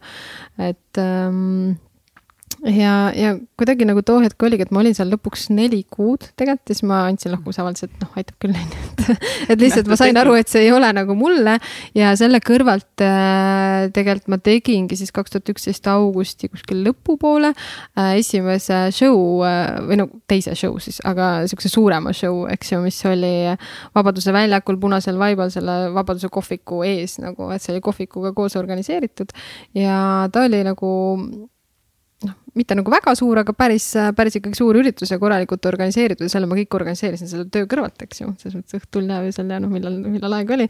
ja, ja sealt ikkagi hakkas nagu tulema juba ilusamini neid tellimusi ja asju, et kuidagi nagu ähm, näed, et noh, mingi potentsiaal on nagu olemas. siis tõmbasid täitsa ikka ise kõike või? too hetk ei, et selles mõttes ma ikkagi leidsin vahepeal nagu siin Tallinnas väga hea partneri, kelle, kellega oligi see, et nemad said nagu õmmelda, aga see oli raske selles selles mõttes, et ma käisin seal, ütleme hommikul enne nagu, kui ma läksin EKA-sse tööle ja siis õhtul ja noh, kõik see asja ajamine oli nagu keeruline selles mõttes, eks ju, et ma olin päeval sel ajal nagu mujal, eks. ja, ja see hakkas ikkagi seda pärssima ja siis, kui ma andsin lahkumisavalduse EKA-s äh, assistendi koha pealt, siis ma sain tegelikult projektijuhi pakkumise ja siis ma tegin nagu, ma tean, et ma siis konsulteerisin, mul õde oli, töötas küll ehituse valdkonnas projektijuhi konsulteerisin temaga ja veel paari inimesega, eks ju, et. ja, ja siis ma sain selle diili nii, et ma ei pidanud seal nagu kohapeal olema, et ma sain seda tööd teha sealt, kus ma nagu olin ja see tegelikult oli ka mõistlik, sest et kuna juhtpartner oli Saksamaa, see projekt oli nagu rahvusvaheline, et siis tegelikult äh, see ei küsinud kellaaega, nad võisid sulle helistada ka kell kuus, kell seitse õhtul, eks ju, ja siis oleks ju see tööpäev anyway läbi olnud, on ju. ja, ja ma sain sellega selles mõttes nagu väga hästi hakkama, et siis ma sain ise jagada, et millal ma teen mis osa, eks ju, et ma ei pea seal nagu kohapeal olema. et äh, ja siis läks selles mõttes nagu natuke parem, et sa tead, et sul on nagu see noh, et sa teed selle töö ilusti ära, sul on see sissetulek sealt olemas. okei okay,, seal oli küll neid välislähetusi, mis võib-olla tegi natuke keerulisemaks asja, aga nad ei olnud nagu väga pikad, et kõige pikem vist oli äkki nädal või poolteist, on ju. et pigem siuksed paar-kolm päeva ja, ja, ja see andis selles mõttes ka väga suure kogemuse, et see projektijuht ja jälgida neid rahasid seal noh, Saksamaal on see, et nagu null koma null üks äh, eurosenti siit on puudu, vaata, on ju, vaata üle, sa pead terve selle aruande nagu läbi käima, on ju. ja neid küsimusi, millele vastata seal, et selles mõttes ja ta andis ka selle juhtimiskogemuse, et see oli seotud nagu tudengitega, äh, loomeinkubaatoriga ja kõik, eks ju, et seal oli nagu väga palju asju nagu seotud et ma arvan, et ta oli kindlasti nagu äh, tegelikult niisugune hea kogemus sinna kõrvale, et oma, oma ettevõtte kõrvale. aga too hetk jah, et ettevõtet niimoodi sai järjest nagu edasi arendatud, siis küll selle esimese nii-öelda tootmispartneriga ühel hetkel äh, meil tekkisid mingid käärid, on ju, seal äh, me ei toimetanud edasi, aga mul on alati olnud back-up, et mu ema on õmbleja, tal on oma nagu sihuke väike ettevõte, eks ju, et seal Aha. on saanud mingeid asju teha ja siis ma mäletan, et ma mingi hetk nagu reaalselt õmblesin ka päris palju ise, et näidiseid nagu, kuna ma olen ise kogu aeg õmmelnud, eks ju, ja mul see teadmis või noh, see oskused on olemas, siis ma hakkasin neid näidiseid nagu tegema ise läbi ja lõikeid, sest mulle ka meeldis see. aga noh, samas ma saan täna aru, et ma panin ennast natukene nagu noh, liiga nagu ummikusse sellega, et sa paned ennast kinni sinna ja sa ei saa muud osa, osa nagu mm -hmm. nii mhm. palju edasi arendada, eks ju, aga samas too hetk tundus see nagu õige samm, on ju, noh, tagantjärgi vaadates muidugi ma võin öelda, et no oleks võinud kellegi palgata, sest et see on ettevõtjana, ma arvan, üks suurimaid küsimärke, et ma olen siin paari tuttava pealt ka näinud, et noh, et kui ma palkan, siis mul peab olema ju raha talle maksta.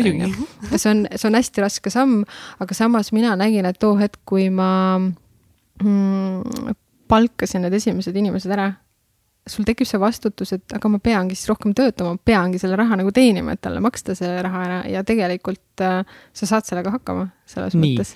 ma nüüd peatan sind, kes oli esimene inimene, kelle sa palkasid oma ettevõttesse? ja, ja mis ametit ta tegi ja kuidas sa, kui pikalt sa siis kaalusid seda, et kas palgata või mitte? Ehm, selles mõttes me kaks tuhat neliteist tegime butiigi vanalinna ja siis me võtsime Kes esimesed no selle, jah, ma lippasin üle kiiresti mõnest asjast, et ütleme selle kõrvalt, kui ma olin seal EKA-s ja brändi oli vaja nagu arendada, et sa küsisid enne ka korra, et kas need nõustajad olid nagu kõrval, eks ju. ja et äh, me see nagu suurem nii-öelda seltskond sealt küll lagunes nagu ära, eks ole, kõrvalt, aga, aga kuidagi oligi nii, et me käisime, ühesõnaga ma sattusin siis Raidoga ühele üritusele kokku, me ei suhelnud tegelikult sinnamaale, siis me olime ainult Marimo teemadel nagu rääkinud. Ja sattusime ühele sünnipäevale siis, äh, mis ei olnud nagu väga pikalt, see oli pühapäevane niisugune pealelõunane üritus ja siis ta pakkus mulle, et aa, et kus sa elad, et äkki ma viskan su koju, onju. No okei okay,, on ju, noh, ja, ja siis oli see, et me jäime autos rääkima sihuke mitu tundi. Ja, ja siis sealt tekkis äh, jah, see, et kuidagi, et äh, et me hakkasime koos käima nagu tantsimas ja, ja, ja rohkem suhtlema ja eks sealt tuli see armumine ja kõik see teema, eks ju, aga aga jah, et siis nagu mul oli talle ikkagi neid ettevõtlusalaseid küsimusi ja siis meil, ma ei, ma ei mäleta praegu nagu päris täpselt ja ma unustasin küsida, mis hetkel me otsustasime seda, et hakkab mind mentordama nagu ja see mm -hmm. oli hästi hästi konkreetne niimoodi, et äh, minu meelest algul oli isegi nädalas korra ja siis nagu äh, kahe nädala tagant, nagu korra ja siis mingi hetk nagu kord kuus ja siis ühel hetkel, kui me saime aru, et okei okay,, me oleme paar, et siis oli nagu see, et davai, et me peame selle nagu asja ära lõpetama, et noh, et selles mõttes, et nagu, et noh, siis on vaja seda nagu noh, vot nagu see on keeruline, et kui sa oled nagu suhtes ja siis samal ajal nagu tööasjad on koos. et äh, aga ta on siiski tänaseks üks nagu Marimo osanikest, eks ju. ja, ja temalt nagu tuligi siis, äh, mille peale ma poleks ise never tulnud, sest mul ei olnud seda kogemust, eks ju, et ähm, ta viis mind kokku nende õigete inimestega, eks me selle töötasime koos nagu läbi, keda mul on nagu appi vaja, eks ju, et inimene, kes teab sellest veebindusest, eks ju, kes oskab äh, brändi story't asja kirjutada, sest no ma olin nagu eesti keeles väga hea ja kirja, kirjandid olid väga head, aga no ma ei ole nagu copywriter on ju. et selles mõttes nagu viis mind kokku nende inimestega või noh, ühesõnaga läbi nagu tuttavatele me leidsime need inimesed ja, ja need inimesed said siis kõik väikeosanikeks läbi optsioonilepingute, eks ju, et nad tegid äh, mingit äh,, mingi osa tööd ja siis selle eest said protsendi ettevõttest. ja mul oli väga okei see ära anda, sest et noh, raha mul ei olnud too hetk niimoodi anda, et ma maksan kõik sulle välja, eks ju. hästi sihuke startup idele klassikaline no, käik, aga seda saab. aga nagu Raido ongi vaata startup indusega yeah. väga tugevalt seotud, eks ju.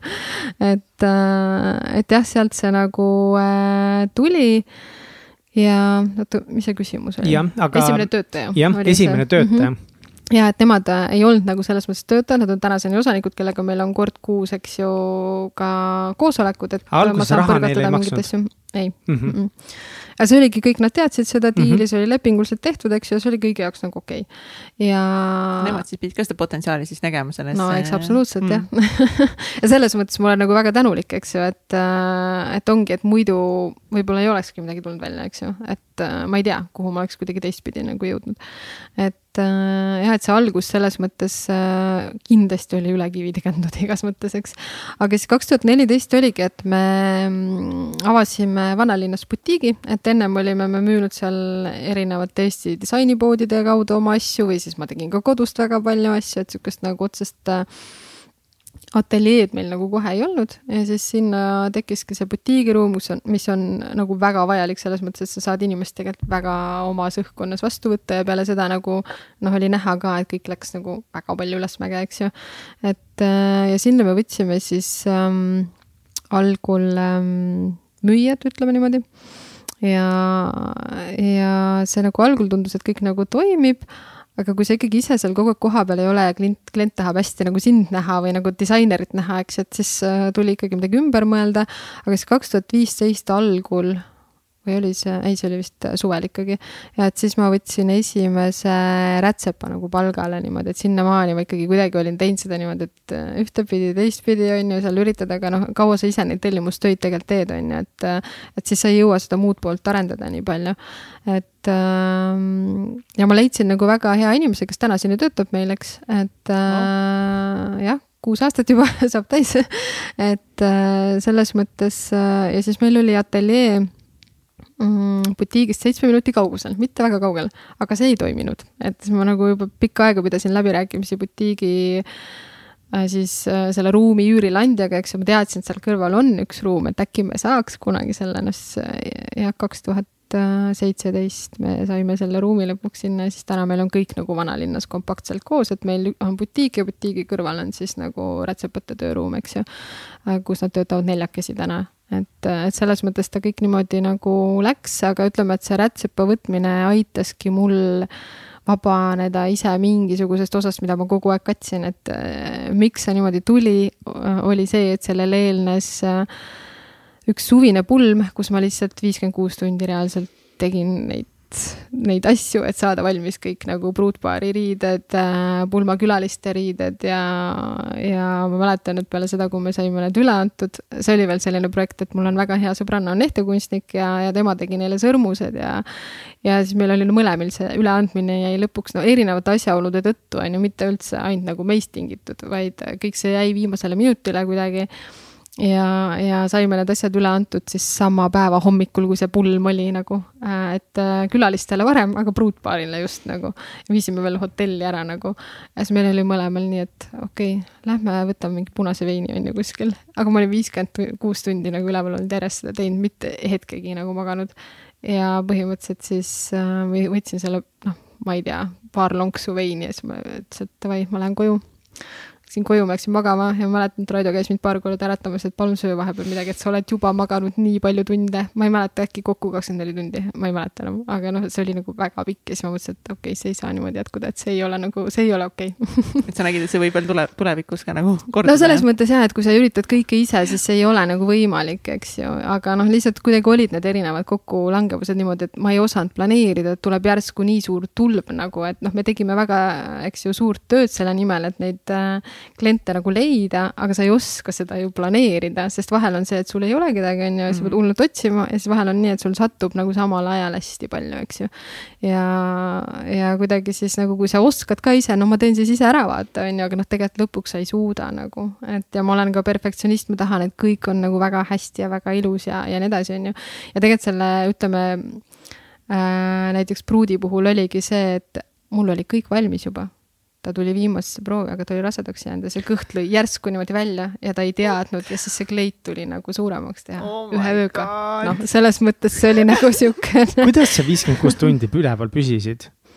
mis tea, jõu, mis, mida sa tarbisid vaata, ma ei tarbi mitte midagi, selles on väga suur probleem ka ei kohvi ega. ei kohvi ega midagi, on ju, et no okei okay, täna ma joon hommikul äh, väikse tassikese kohvi, aga aga jah, et too hetk ma ei äh, joonud ka kohvi, et ma, ma tegelikult, äh, ma ei mäleta, mäletan lihtsalt seda emotsiooni, kuidas ma öösel tegin ja ma olin nagu täiega läbi juba omadega ja siis mõtlesin, et mul on veel vaja teha ja veel vaja teha ja kui ma lõpuks sinna magama sain, siis mõtlesin, et no way, ma ei ärka rohkem kas sa lõpetasid korra, mitte üldse pikalt, sa lõpetasid ülikooli cum laude? jah ja hõbemedali said äh, keskkoolis, keskkoolis. Mm -hmm. ja paljud asjad, mida sa teed, sa teed väga hästi, sa mängisid veel pilli lapsena, mingit nelja erinevat kust see perfektsionism ja see vajadus nagu teha nii palju, nii korraga, nii hästi ja kiiresti tuleb? et see on niisugune natukese nagu sihuke obsessive jah, mul isegi nagu äh, ma mäletan väga hästi selle aasta või noh, nüüd siis kaks tuhat kakskümmend jõule, kus äh, äh, ma olin juba eelmine aasta tahtnud teha piparkoogimaja nagu, aga noh, mitte nagu maja, vaid nagu noh nagu. lossi. lossi et noh, kui teha, siis nagu teha korralikult, on ju.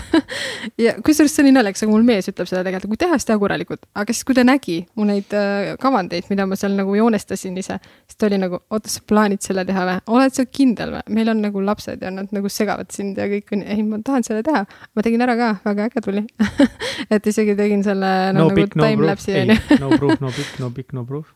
no big, no proof. No big, no proof. no ma ei usu, ma ei usu, et sa tegid lossi, kui ma ei näe pildi peal. no ma võin sulle näidata, kohe tahad või? tahan küll jah, näita mulle ma tahan näha seda lossi. aga miks, nagu miks? Why? ma ei tea, see kuidagi see mm, eneseteostuse nagu vajadus on tõesti hästi suur. aga sul on, sul on õde või mitu õde, eks ole, sul on vist eh, kolm õde või? Äh, mul on kaks õde ja vend jah, et ma olen nelja, neljalapselisest perest pärit. aga mm, kas noorem, vanem, keskmine oled? ma olen teine laps, nii et Teine. mul on vanem õde, noorem õde ja siis kümme aastat noorem vend. nii et äh, kes on päris, okei okay, nii, nüüd me praegu hetkel teaksite, ma vaatan praegu mm. -hmm. lossi. Legit, aga tead mida, see meenutab vanalinna selliseid mingeid neid vanalinna, no mõisaid, mis meil vanalinnas mm -hmm. on Mhm. natukese. no ta oli ikka suur projekt selles mõttes, et Oh äh, ütleme, aknad on kõik välja lõigatud ja, ja nagu kommidega täidetud. mis trauma see lapsepõlves siis oli, mis äh, on sinust siukse perfektsionisti äh, ma arvan, et mul oli nagu see jah, kuidagi vajadus tõestada, et ma saan äh, hakkama, et mul äh, ma olin hästi sihuke introvertne kunagi, nagu muidugi mitte kodus. ema nagu siiamaani ei usu, et äh, talle öeldi, et aa, teil on nagu kõige parem laps ever, on ju et mis mõttes kodus oli mingi hull, noh, sihukene igal pool asjatas, on ju. aga, aga jah, koolis oli ka kuidagi nii, et ma mäletan, et meil olid nagu need füüsikatund oli, kus ma olin, ma ei tea, võib-olla ma liialdan praegu, aga no reaalselt nagu mingi iga tund püsti, on ju. et ma pidin nagu tõestama iga tund, et ma oskan seda asja, ma saan sellest aru mm., et ähm, meil oli selline õpetaja, kes, ta oli hästi karm ja tegelikult ma selles mõttes olen tänulik, et ma tõesti nagu jagan seda asja või nagu too hetk veel eriti, noh, praegu võib-olla on see, et kui keegi küsib midagi, siis ikka ei mäleta mingeid valemeid nii hästi, on ju enam. aga, aga jah, et, äh, et ta nagu kogu aeg pani mind proovile nagu reaalselt iga tund, on ju. ja, ja ma leidsin siis selle lahenduse, et mul isa on mehaanik, väga tark mees.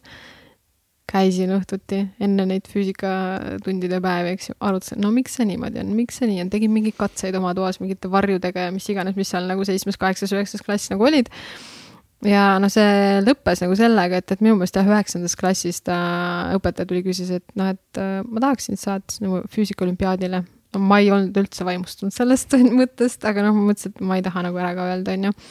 Ja ma ei mäleta üldse, kuidas mul seal läks, eks ju, selles mõttes, aga ma tean, et, et noh et kuidagi nagu, ta oli nagu rahul mu tulemustega ja ma vastasin talle ära ja ei jäänud nagu sellesse rumalasse olukorda, aga ma tean, et alati enne seda tundi, noh, tead, sihuke närv on sees, on ju, et noh, nii, mis siis täna on ju, ja ta, ta ei küsinud mu käest neid asju, mis meil oli õpikus või noh, ta küsis nagu, et kas sa loogiliselt vaata üldse saad nagu aru ja sellepärast ma käisin seal isaga arutlemas nendel teemadel, sest noh, ilmselgelt tegelikult füüsika ei ole võib-olla nii väga mingi noh, tüdrukute nagu teema, on ju, et ähm, ja too hetk ma siis mängisingi, tõesti oligi nelja pilli ja mingi hetk seal tantsisin, eks ju äh,. nii palju, kui meil Virtsus see võimaldatud nagu oli, on ju, nende tantsuringidega. ja ega muusika see teema tuli ka kuidagi nii, et äh, mul ema laulab hästi, eks ju, ema õde mängib pilli ja kõik, et eks sealt oli kindlasti mingi nagu äh, noh, lapsepõlves näinud ja kuulnud neid, eks ju. aga kellele sa nagu ikkagi ennast tõestada tahad aga kogu aeg? no vaata täna ma ei tea, iseendal on täna kõige rohkem, ma arvan, et ma saan hakkama ja ma jõuan, et mul on nagu sa oleks saanud brändiga. hakkama ka nagu selle väiksema piparkoogimajaga. no aga see on ju vaata nii lihtne mm.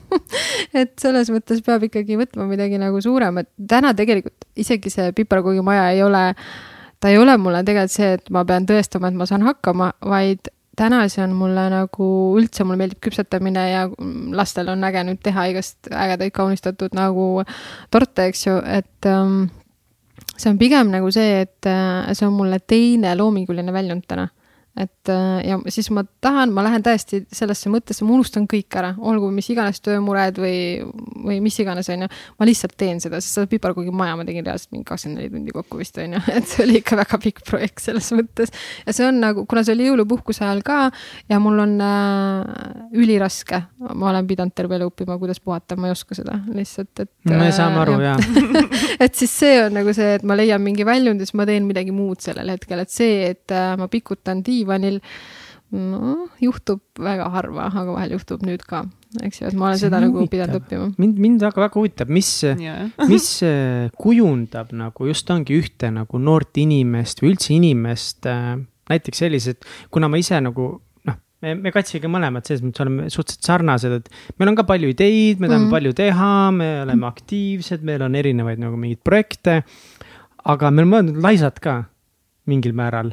No, aga mina laiskus on ka edasiviiv jõud. ei, on, on edasiviiv jõud, aga, aga nagu nii tihti on, ma tunnen, et kurat, et nagu mul on vaja rohkem seda willpower'it, et vaata mm asju nagu läbi viia ja siis, kui ongi meil näiteks saates mõni inimene, kes on nagu sina, kes lihtsalt noh, ei oska seisma jääda, kes, kes teeb ükskõik mida, et põhimõtteliselt asi läbi, siis ma kohe mõtlen, et okei okay,, mis su tegi selliseks no kuidas jah, sa said kui sa niimoodi küsid, siis ma arvangi kusjuures, et ütleme, needsamad nagu noh, ma ei ole sellele ka niimoodi ise nagu mõelnud mm, -hmm. eks ju, no ise, okei okay,, ma olen analüüsinud mingeid oma asju küll, aga seda osa ma ei ole analüüsinud, see ei ole mulle probleeme valmistanud, et miks ma tahan nagu saavutada ja teha asju. aga, aga jah, et kuidagi mul oli ka ütleme ka muusikaga tegelikult oli niimoodi, et ma pidin seal iga kord ennast nagu tõestama, et seal oli samamoodi kuidagi õpetajaga mingi mitte mingi teadlik konflikt, eks ju, selles mõttes, aga midagi seal oli ja, ja ma pidin alati tõestama, et ma oskan, eks ju, mis sest, et ma võisin teha paremini, kui teised seal nagu tunnis tegid, eks ju. aga ma pidin kogu aeg tõestama ennast ja, ja samas nagu ühtepidi võib-olla, ma vaata ei tea, et õpetajatel on ka ju need meetodid on erinevad, et nad üritavadki sellest, kellest nad teavad, et tegelikult võib-olla saaks rohkem nagu, eks ju kätte, siis nad suhtuvadki teistmoodi, sest siis nad saavadki sellega rohkem kätte, et ega ma siis ju harjutasin rohkem ja pingutasin rohkem, on ju. ja, ja selle selle pealt ma läksin ka tegelikult äh, keskkooli kõrvalt, eks ju, muusikakooli, ma lõpetasin äh, keskaga koos muusikakooli. meil Virtsus oli muusikaklass ainult. Äh, et seal mul ei olnud nagu ütleme, need solfedžod ja literatuurid nagu nii tugevad, aga muusikakooli minnes, pandi klass tagasi, no okei okay,, veits oli nagu nukker, on ju. et muusikakooli nii-öelda kuuendast klassist viiendasse, aga noh, see polnud nagu probleem, sest siis ma teadsin, ma lõpetan keskaga koos ära ja on nagu selles mõttes okei okay,, on ju.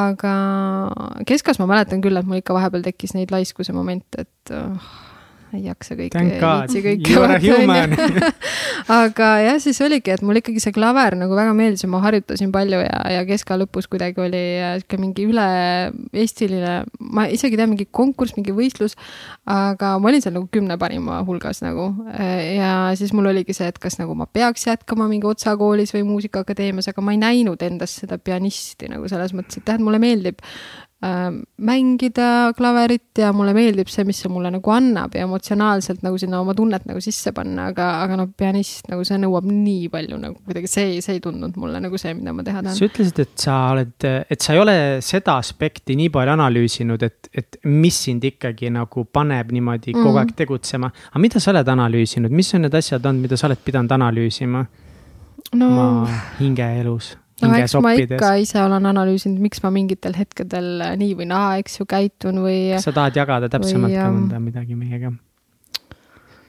oh, keeruline, vaata, oleks pidanud oma selle märkmiku nagu üle lugema ennem.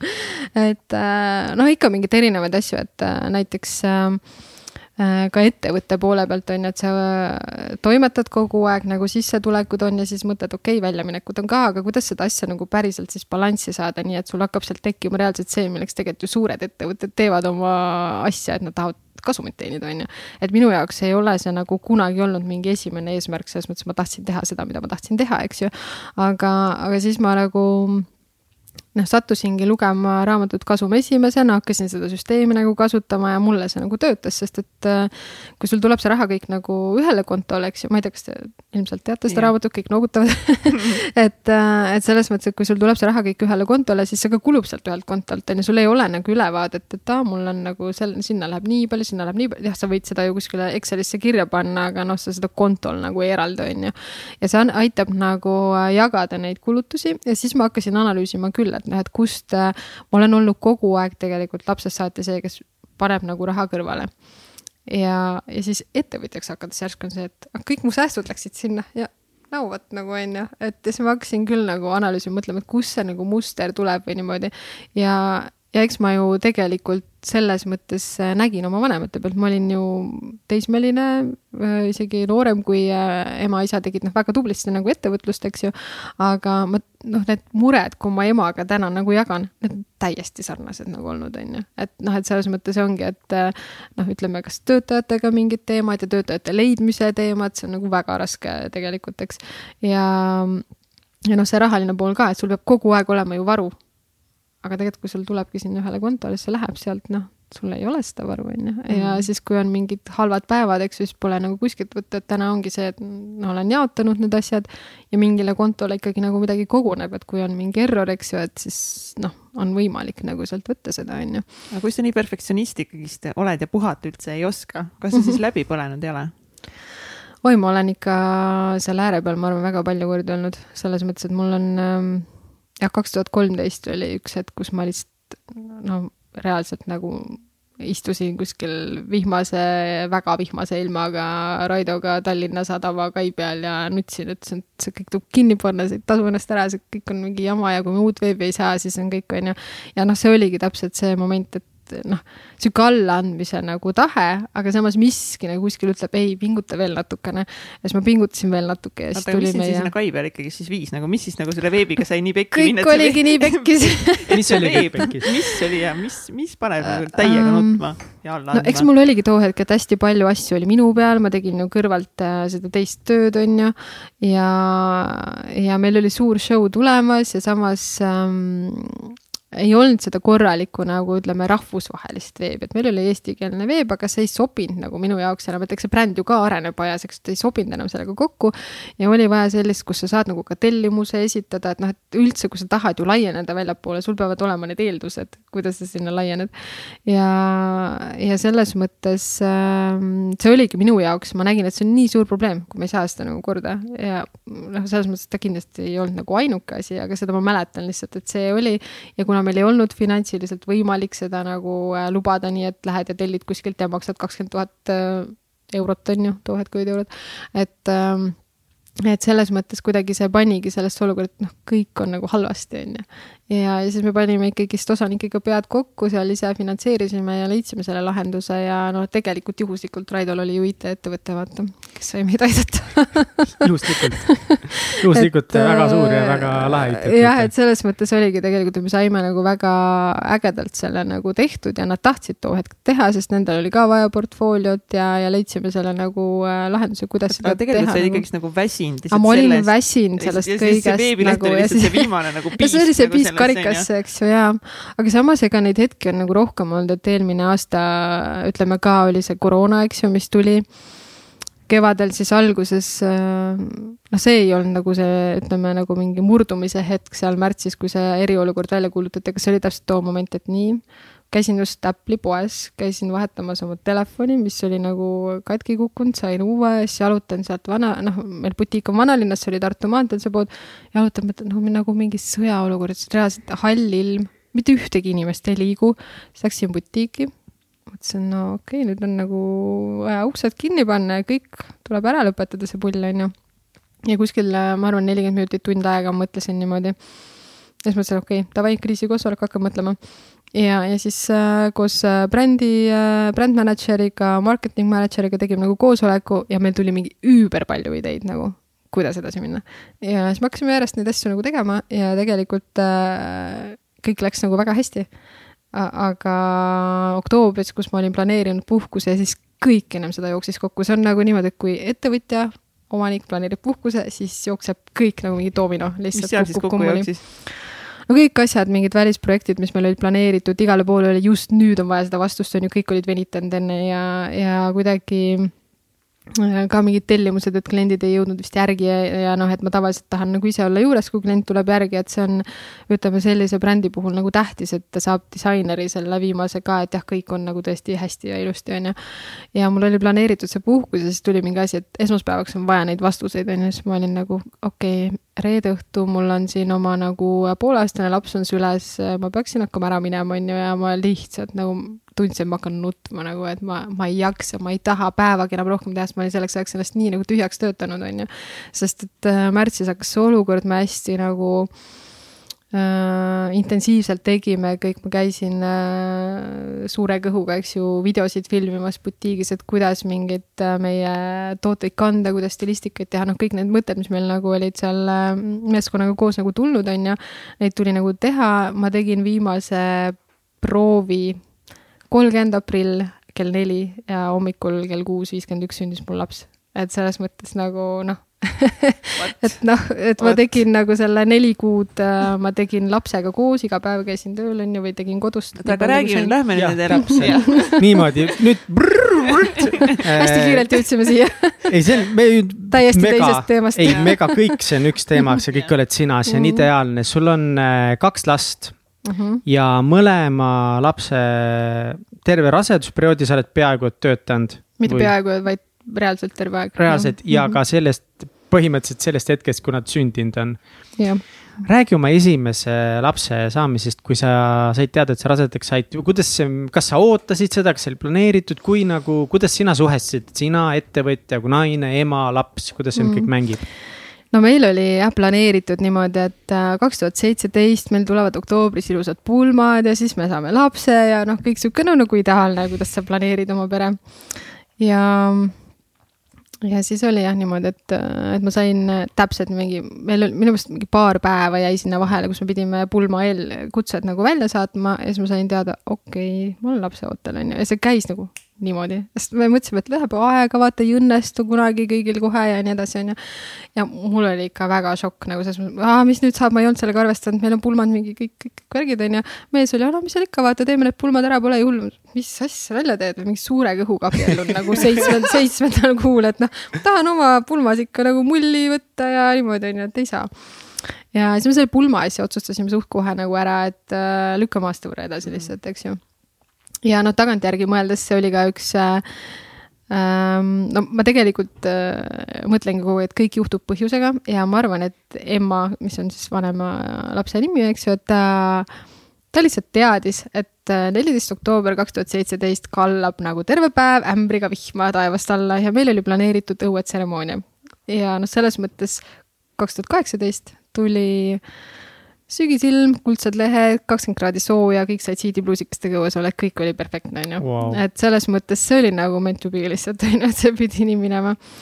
ja, ja eks mul muidugi oli siis teine küsimus oligi see, et kuidas äh, kuidas see lapsega tööasi siis hakkab olema, ma teadsin, ma tahan nagu edasi teha, eks ju, oma asja aga, mm, aga mul oli see rasedus ka keeruline, et äh, ma ei osanud selle peale üldse mõelda, mul emal nagu polnud kunagi ühegi lapsega, vähemalt ta ei rääkinud, et oleks olnud mingi teema, eks ju äh,, et kuidagi keeruline, aga noh, mul oli ikkagi nagu see Kate Middletoni teema, et sul on kogu aeg paha olla, eks ju, et äh, ma käisin olin hästi tugev, hästi tubli, mõtlesin, et ma ei lähe sinna nagu äh, selle tilguti alla, eks ju, aga no ma reaalselt nagu ainult võtsin kaalust alla, kõik toit tuli tagurpidi tagasi, eks ju, et. Äh, terve rasedusaeg siis oli keeruline um,?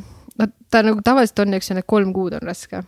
esimesed aga... või viimased? esimesed okay,. I don't know aga mul oli nii, et põhimõtteliselt, kui ma teada sain, siis mingi järgmisest nädalast läks kõik nagu kehvaks, aga ma sain teada ka hästi vara, et arst sisuliselt isegi nagu ei näinud veel midagi seal on ju, ütles, et noh, sa pead veel tulema uuesti tagasi ja kinnitama üle ja niimoodi on ju. ja ja siis mul hakkaski nagu niimoodi, et algul öeldi, no kümnendal nädalal ikka läheb juba paremaks. no ei läinud, no kaheteistkümnendal ikka, no ei, no kahekümnendal siis on ju, aga lõpuks ma ei mäleta neid nädalaid, aga ma mäletan, et, et äh, nagu kuus kuud oli see jama nagu selles kui mõttes. kui halb see siis ikkagist oli nagu, mis siis, mis siis nagu toimus? no ikkagi niimoodi, et põhimõtteliselt nagu tahaks olla ainult pikali, mitte midagi ei tahaks teha. ja neli korda päevas kõik toit, mis ma sõin, tuli tagurpidi tagasi. neli korda päevas oksendasid. ütleme ilusasti välja. ütleme, ütleme ilusasti välja. see on väga moekas. meie saate puhul on see väga, väga moekas. glamuurne see on väga glamuurne täitsa pikk saates. et äh, selles mõttes jah, ta oli nagu raske ja siis äh, ma sain ühel hetkel aru, et okei okay,, davai, kui ma jään siia diivanile siis ma tunnen veel nagu iga hetk, iga sekundit, kui mul on halb, aga kui ma lähen tööle, siis ma mõtlen nagu noh, mul iiveldab kogu aeg, aga ma mõtlen muule, on ju, et selles mõttes. mul oli ka paar proovi reaalselt nagu suvel pruutidega, kus ma mõtlesin, et no ma ei tea, kas ma oksendan praegu siia selle nagu kleidi peale või mitte ja ma tööl ju ei tahtnud ka kellelegi öelda ikkagi enne, kui see kolm kuud on täis ja, ja siis, kui see nagu see saabus, et see, et kõik said teada, saabus ka väga nagu pauguga selles mõttes, et meil pidi olema nelja pruudi proov see oli, ma arvan, juuni algus äkki või maikuu, ma ei mäleta enam niimoodi. aga no igal juhul ähm, meil pidi olema nelja pruudi proov ja siis ma lihtsalt äh, käisin hommikul arsti juures ja milestasin sinnasamasse ära. siis mind pandi tilguti alla, et mitte midagi polnud teha, sest noh, kehast kõik, kõik toitained, soolad, kõik olid otsas, onju. ja siis ma pidin nagu tegema selle kõne, et ma täna ei tule, et palun, et seal on see mopp, seal on nende inimeste nimed, et palun noh, rätsepate, kes ei olnud, see ei olnud nende töö üldse, onju, et noh, et, palun helistage ja cancel dage, onju ja siis äh, ma küll hiljem too päev käisin nagu töö juurest läbi ja siis ma pidin. ikka, ikka oli vaja minna ikka oli vaja minna. võtaks kaasa selle tilguti, läheks sellega. ja, ja siis ähm,, siis ikkagi ma pidin siis ütlema nad olidki, et me vaatasimegi, et midagi on nagu valesti, et sa oled kuidagi loid või sihuke, et energiat pole, aga noh, see on see, et sa ei taha ju öelda, sa ei tea kunagi, kas nagu õnnestub või midagi juhtub, on ju, ja, ja kuidagi. et et ähm, jah, ja seda, seda nalja siis oli jah, sellised nagu pool aastat on ju, et see oli tegelikult hästi karm selle kõrvalt nagu töötada, sest sul on sisuliselt kogu aeg on nagu halb olla, on ju. ja ma mäletan, üks hästi äge moment oli ka, et ega ma siis oma klientidele ju ikkagi seda nagu ei öelnud äh,. sest kõht nagu tuli mul ka seal kuskil viiendal kuul alles hakkas midagi välja paistma ja siis oligi nii, et me tegime augusti lõpu pruudile, tegime kleiti ja ta teadis, et mul on pulm nagu planeeritud sügisesse sest me olime sellest rääkinud, kui ta käis kleiti tellimas. Ja siis hästi-hästi äh, tore naine ja siiamaani meil väga hea klient, eks ju, ja siis ta äh, ühes proovis on, et äh, ma ei mäleta isegi ah,, ta rääkis oma sellest ähm, tüdrukute õhtust nii maitsev kook on. Mihkelist teadis, et sööb koogist, lutsib oma näppe lihtsalt. see on lihtsalt nii hea, vaata mina kahjuks ei saa seda proovida, aga, aga ma usun, et see on mega hea ja nüüd Mihkelist ajab endast pluusi peale ja nagu no never mind us selles mõttes söö, söö, no selleks ma tõin. lihtsalt küsimus, kas Mihklist sööd? ma ei ole ühtegi häält siin Mihklist teinud, pärast ma kuulata, ma mega. nii vaikselt on ju. Mhm. ja nii kaugel ka veel vaata, et mm -hmm. ei kuule ma spetsiaalselt näen täiega vaeva, et mitte matsutada aga Nii, jaa, et see... jaa, see oli see proov mm -hmm. ja, ja siis ähm, ta rääkis oma tüdrukute õhtust, mis oli hästi vinge olnud ja just äh, nagu eelnenud siis sellele proovile ja ja et noh, et sind ootab ka siis see kõik varsti ees, ma no et noh, tegelikult nagu see aasta ikkagi ei tule siit midagi välja ja siis tuli nagu noh, ma ütlesin endale siis, et ma olen nagu lapseootes. ma ju mõtlesingi siin viimases proovis, et huvitav, et kas sa nagu suvel tõesti nagu oled nagu nii palju grill-liha söönud või noh, sest ei olnud nagu mingit suurt kõhtu, aga sihuke no, nagu väikene mm., vaata, et sa ei saa aru, et kas inimene on juurde võtnud või mis see nagu on, on ju et, äh, et siukseid nagu ägedaid äh, momente selles mõttes oli selles ka. aga muidugi selle ajal oli veel üks ähm, noh, et nagu, et hullemaks ikka saaks minna, siis mul oligi tegelikult eelnevalt seal olnud nagu äh, müügiinimene ka kõrval, on ju. aga siis meil olid mõned üritused olnud ja, ja tal äh, oli probleeme, kuna meie üritustega kaasneb nagu ka mullijook, siis tal oli natuke probleeme selle joogi tarvitamisega ja piiri ei osanud pidada ja siis ma pidin. meeldis natuke liiga palju. jah, meeldis natuke liiga palju ja siis ma pidin tema nagu äh, päevapealt nagu päeva peal. lahti laskma jah kuidas see, see kogemus oli, kas nagu... ma olen kuulnud neid eh, vallandamise lugusid, et, et see on jällegi üks väga keeruline. no see on väga et... keeruline, sest et sa ise tunned ennast ka nagu sa kogu aeg mõtled, kas ma teen nagu õigesti ja kas mul ikkagi on see õigus ja kas see on ikka kõik nagu äh, noh, et kas ma ikka peaks seda tegema ja, ja aga no ma olin ähm, noh, et talunud seda, ma arvan, tegelikult juba liiga nagu pikalt, et ma oleks pidanud seda isegi nagu varem tegema, aga see noh, ma olen ikka see, et mõtled nagu inimesest parimat ja mõtled, et saad lahendada seda kõike, aga siis seal eelnes jah, selline olukord, et et mõtlesin, et nagu ei, enam mitte ja mõtlesingi selle peale ka, et ma olen nagu lapseootel ma ei pea taluma siukseid mm -hmm. asju, on ju, et ma kas pean veel tegelema. kuidas seda teha, kuidas vallandada inimest kedagi? ei, ma arutasin Raidoga Anne, shout out to Raido lihtsalt, ta on see üks tubli sammas. ja väga, et ja tegelikult täna ongi, meil on äh, kokku lepitud, et noh, ta on nagu väga tark mees on ju, siis tal ongi nii, et äh, kas sa tahad nagu nõu või sa tahad ennast tühjaks rääkida kumb päev, noh, kumb see hetk nagu täna on, on ju, et. väga aus küsimus. aga ja. nii ongi, sest et tegelikult naised ei taha, sa isegi võib-olla isegi ei tea, et mm -hmm. sa mhm. ei taha seda nõu kuulda, sest see võib sul nagu harja punaseks ajada, on ju. ma pean mingit sihukest asja tegema või kuidas ma seda üldse teen, on ju, mis, mismoodi ma seda teen, eks ju. sest et noh, see oli minu jaoks ka nagu esimene kord nagu elus sellist asja niimoodi teha, on ju. et äh, tavaliselt sa nagu eeldad ikkagi, et see tuleb kuidagi niiviisi noh, et inimene nagu siis noh, räägid läbi või et tulebki see, et ta tahab edasi liikuda või mis iganes nagu sihuke nagu loomulik nagu kuidagi, aga see nagu oli jah, et sihuke paras väljakutse endale nagu. ja, ja eks ma siis hakkasin otsima uut inimest, on ju et, äh, et mul, ma nagu sain aru, et mul on seda inimest vaja, sest et kui mul beebi sünnib reaalselt ära, et siis noh, mul peab mingi back-up ju olema, on ju. et et ähm, ma leidsin selle inimese ja selles mõttes saime nagu edukalt nagu edasi hakata minema, aga siis oli juba see raseduse suhteliselt nagu lõpufaas, kui ma selle inimese leidsin ja siis tal oli ka enam-vähem niimoodi kuu või poolteist, kuu aega vist tegelikult oli siukest nagu sisseelamist, on ju. ja siis ta ka mõtles, kui noh, millal see päev nüüd on, vaata, et iga päev umbes võib see laps ju sündima hakata, eks ju, et ega me ju keegi ei tea, et see tähtaeg võib olla üks, aga see, millal ta reaalselt kas tuleb, on ju. kas keegi sulle ei öelnud, et mm. kuule, et eh, noh, võta nagu veits aega, maha või? veits nagu ja rahulikumalt, et sa nagu Ai, mingi kohe siin nagu ei, hakkad poolduma, et eks mul ikka kõik äh, ümberringi ütlesid äh,, kellel on endal lapsed, eks ju, et ei, et sa pead ikka võtma ja nagu äh, ikka kolm kuud peaks nagu vähemalt lapsega kodus olema ja ja noh, üldse, et ähm, ikkagi sa pead nagu võtma korraks aja maha ja jääma koju, eks ju et seda oli väga palju, noh, mu enda ema on ju, Raido ema, noh, kõik on ju läbi teinud selle, nad teavad ka, mis see tähendab. aga mm. mul oli ikkagi nagu selles mõttes, ega ma, noh, see ei olnud nagu sihuke, et sa vaidled vastu, vaata, aga mul oli mingi oma nägemus, et kui ma, noh, mina nagu ise ütlen, et Marimaa on mu esimene laps, eks ju. ja, ja, ja siis ma üritasin seda inimestele selgitada nii, et noh, et kui sul on üks laps olemas ja siis sünnib teine beebi, sa esimest ei vii lastekodusse ju või ei, või noh, ei viska nagu välja, eks ju, jah, ei hülga nagu on ju.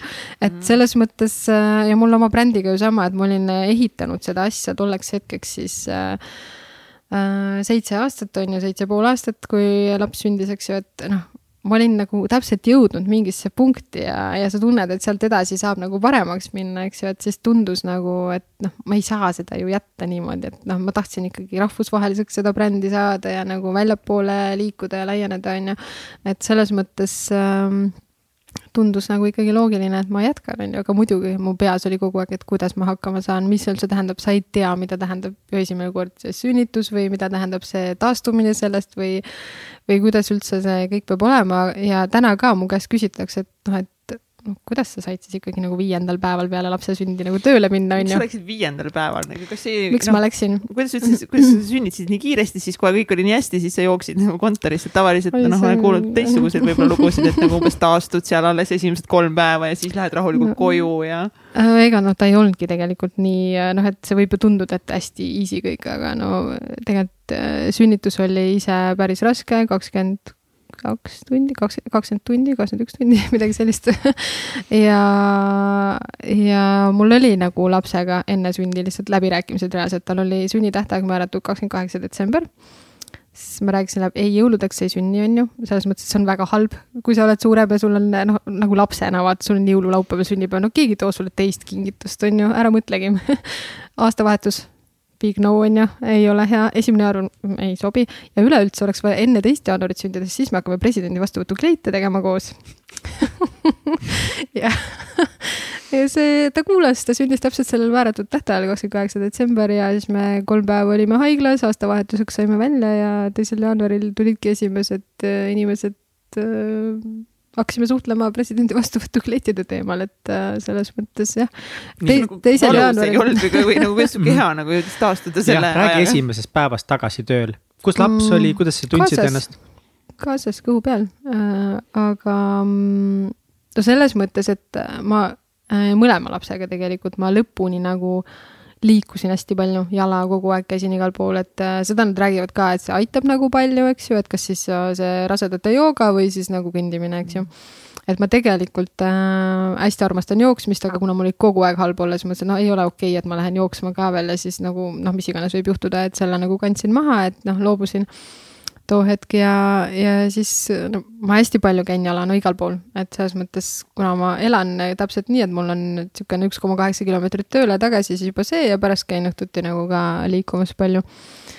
Ja ma arvan, see nagu aitas sellele taastumisele kaasa, aga no loomulikult oli ikkagi nagu selles mõttes valus ja mingid õmblused ja, ja, ja see teema ka, aga noh, mul läks nagu noh, ütleme suhteliselt õnnelikult, et äh, mul ei olnud nagu mingi väga palju rebendeid, on ju, et üks et selles mõttes äh,, aga no eks ta valu on, teeb ikka ja esimene kord äh, see taastumine ikkagi kokku, ma arvan, võttis kuu või poolteist, on ju tegelikult, aga ma hakkasin kohe liikuma ja see on minu meelest nagu kõikide asjade puhul räägitakse, mis iganes trauma sul on, on ju, et kui sa hakkad ise liigutama, noh, kasvõi läbi valu või kasvõi läbi nagu selle jõu, on ju, et sul tegelikult läheb kiiremini paremaks.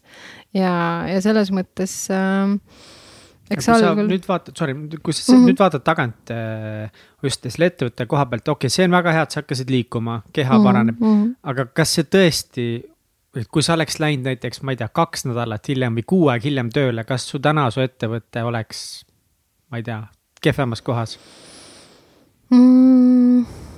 ma ei oska öelda, kas täna oleks kehvemas kohas, aga no ütleme, vaata kuu aega hiljem oleks juba presidendi vastuvõturong läinud olnud et seda lihtsalt ei anna maha magada moedisainerina. no just ennem rääkisime, vaata on ju. ja, ja, ja, ei no muidugi kõik ju, kogu Eesti fotograafid, kõik on ju, kõik vaatavad täpselt sinuga. ütleme, et noh, too hetk see oli mulle kindlasti äh, või noh, meie brändil oli see too hetk kindlasti nagu tähtis, sest siis me olime ikkagi ainult Eesti piires nagu toimetasime. et täna, kus meil on nagu välisklientuur ja see aasta jäi see vastuvõtt ju meie jaoks nagu ära või noh, kõigi disainerite jaoks ära, et see ei olnud meile nagu tegelikult nii suur probleem, eks ju.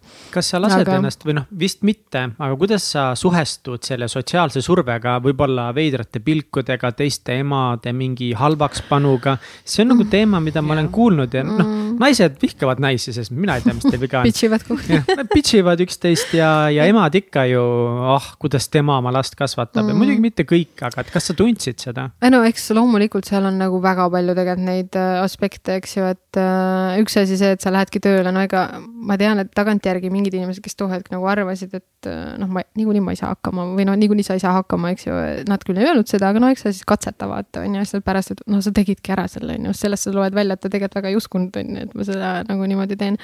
aga aga jah, seal lapse või laste kasvatuses on, see surve on nagu kogu aeg, et seal on nagu, oota, kaua sina ikkagi rinnaga toitsid ja miks sa enam ei toida, noh, kõik sellised asjad nagu käivad läbi, eks ju.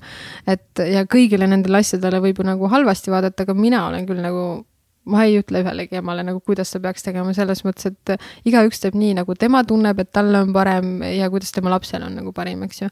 et noh, loomulikult meie võtsime selle, me otsustasime ära, et me saaksime mõlemad, noh, me oleme mõlemad ettevõtjad, eks ju, mees selles mõttes sai aru, et see ei ole nagu palgatöö, kust ma tulen ära, eks ju, ja jään koju.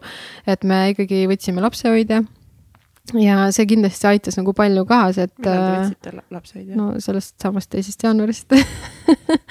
aga kuidas sa hakkasid mõttes... nagu siis implementeerima kõike seda, et millal on lapsehoidja, millal on nagu sinu aeg, siis mõtlesid nagu värske beebiga?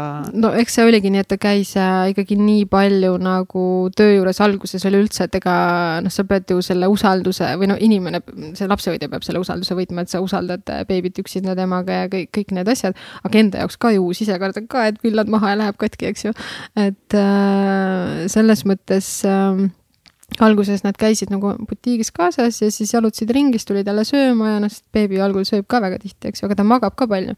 et äh, selles mõttes alguses ei olegi tegelikult väga hullu, et teise lapse pealt ma neli kuud käisin temaga kogu aeg, ta oli mul tööl kaasas, et kas ma tegin siis kodukontorist või ma tegin nagu butiigis, aga ta oli mul kaasas, sest ta magab ja need uned on pikad, eks ju, et siis on nagu lihtsam.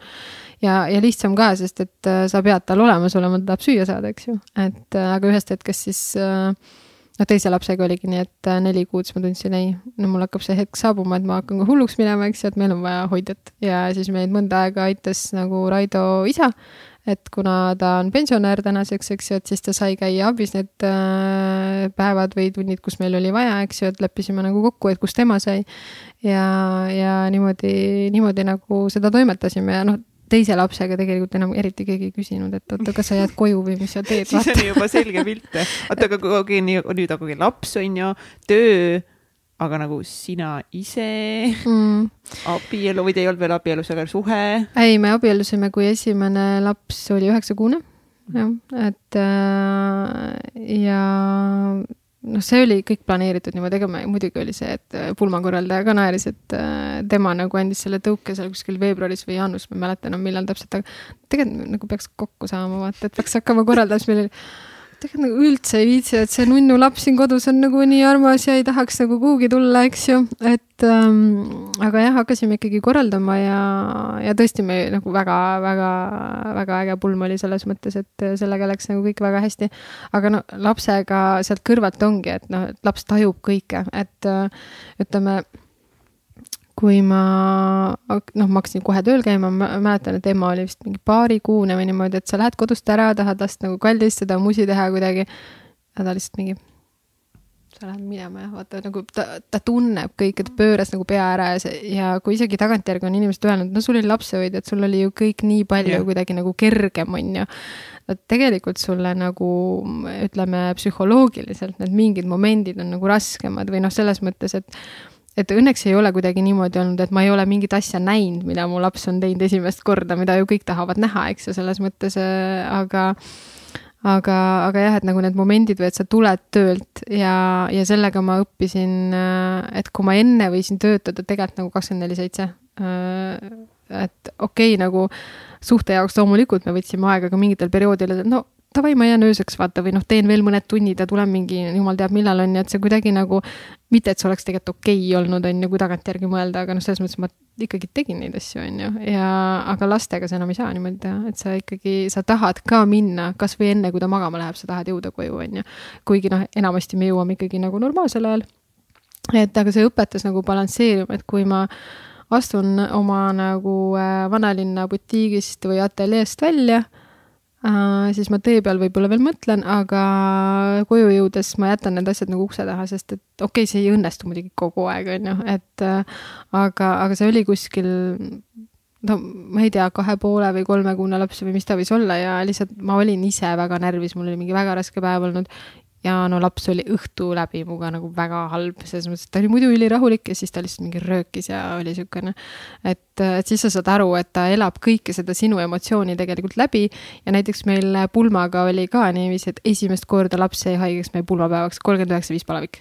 ja siis mingi um, what? what aga meil oligi see, et meil tulid nagu mu õde, kes elab Inglismaal, eks ju, tuli äh, külla ja meil oli järsku nagu palju rahvast noh, kindlasti me olime ikkagi ju pinges mingil määral, eks ju, et, et selles mõttes ta, ta tajub seda kõike ja siis oli lihtsalt palavik laes, mõtled nagu okei okay,, eks ju, meil oli kõik planeeritud, et on alguses seal olemas, siis videost ka vaatad täna silmad läigivad, kõik selline, eks ju, et nagu nukker.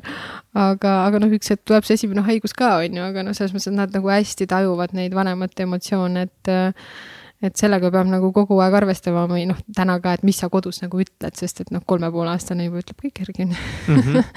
et selles mõttes kõik sellised asjad nagu. kas teine rasedus läks sul paremini? Mm,? no ta läks mõnevõrra paremini selles mõttes, et see oli nagu neli kuud see või no ütleme, pool aega oli see periood, kus mul oli väga halb olla, et alg, alguses oli nii, et mul mees ütles ka, et no et ikkagi teisega äkki läheb paremini, vaata. noh, mõnd-, mõnda aega läks, aga tilgute all käisin ma samamoodi ja, ja kõik see nagu kordus selles mõttes, et mul oli ikkagi kogu aeg nagu halb. ja ikka tööl käisid samal ajal? ja ikka tööl käisin, jah, teisega ma juba olin targem, ma teadsin, et ma ei jää sinna diivanile konutama, sest see ei teinud paremaks, see tegi nagu, see on see, et sulle tundub see päev nagu lõputult pikk ja sul on kogu aeg ainult halb olla ja sa ei mõtlegi millestki muust, eks ju. aga kui sa ikkagi oled nagu äh, tööl, siis nagu teed ja toimetad ja liigud ringi ja kuidagi nagu unustad ikkagi seda nagu ära veits. aga noh, teise lapsega tuli see koroona, eks ju, selles mõttes, et siis äh, ta sündis ju esimene mai eelmine aasta sügavas koroonas et äh, üksinda sünnitama wow. kõik see lugu ka ja, ja viimased kuud seal oli kodukontorist, eks ju, et vanem laps oli kodus, kahekesi mehega mõlemad töötasime kodust, eks ju, noh, kõik siukene teema tuli nagu sinna otsa. unistuste enne, enne no, sünnituste periood. selline, selline nagu nojah, et õnneks siis mul vähemalt olemine oli okei okay juba et selles mõttes oli positiivne. aga te olete mõlemad mehega ettevõtjad äh, nagu ma ei tea, kas sinu mees ka, kas Raido töötab ka nii palju kui sina, kas see, see tohutu töötamine ja pidev trall on kunagi teie suhet ka mõjutanud, et, et niimoodi võib väga nähtamatult jääda kaugeks, sest on, kõik on Mm. hästi, mõlemad kõik töötavad ja siis võib-olla ei pruugigi aru saada, kuidas tegelikult nagu see romantika võib natukese Mm. niimoodi kaduda. no selles mõttes meil on kindlasti olnud mingeid äh, teemasid, eks ju, või ütlemisi äh, perioodil, kus ongi mingi show tulemas ja emotsioonid on nagu niikuinii laes ja kõik, on ju. aga kuidagi meil on äh, jah, algusest peale olnud niimoodi, et et ütleme, kui ma tegin ka veel üksinda ja, ja ma ei tea, käisin kasvõi maal nagu ema ettevõttes nagu õmblemas, kuna vahendeid oli rohkem ja ruumi rohkem, on ju. et siis äh, ta võiski mind üllatada niimoodi, et ta, ma olin Virtsus, eks ju, toimetasin seal ja ta lihtsalt, ma ei teadnud mitte midagi, ta lihtsalt sõitis kohale, mingid äh, roosid ja Proseccod ja mingid asjad, eks ju. Davai, nüüd võtad väikse õhtu nagu ja noh, nagu ma ei tea, chill ime korraks ka, on ju. et ähm, selles mõttes ja me oleme nagu teadlikult üritanud, vahepeal loomulikult me unustame laste kõrvalt ka, eks ju, võtta seda aega, et äh, no lihtne on ju jääda tegelikult koju ja sul on lapsed ja tuled töölt ja teed süüa ja noh, kõik see tavapärane rutiin. aga me ikkagi hetkel noh, koroona kiuste siis mõtleme kogu aeg, et mida me saaks teha, et talvel siin käisime varahommikul, ma ei tea, rabas kahekesi, et võtsime lapsehoidja selleks momendiks või, või hetkel nagu, kuna tahaks nagu süüa restoranis midagi head ja niimoodi need on kõik kinni olnud, siis me oleme ikkagi võtnud hotelli nagu toa niimoodi, et reede vastu laupäeva, et siis lapsehoidja on äh, lastega sellel perioodil ja siis saame nagu kahekesi olla, eks ju. et me ikkagi nagu teadlikult võtame seda aega, sest noh, seda ei teki selles mm -hmm. mõttes ja noh, mitte keegi ei anna seda aega sulle juurde, et meil on kõigil kakskümmend neli tundi, mida me saame kasutada ööpäevas, eks ju. et ähm, see ei ole alati lihtne ja vahel nagu mul oli siin ka just möödunud poolteist kuud on olnud väga nagu crazy, eks ju. ja, ja see aasta noh, väga kurb öelda, aga kõik töötajad on meil koroona juba läbi põdenud, eks ju, tänaseks välja arvatud ma ise.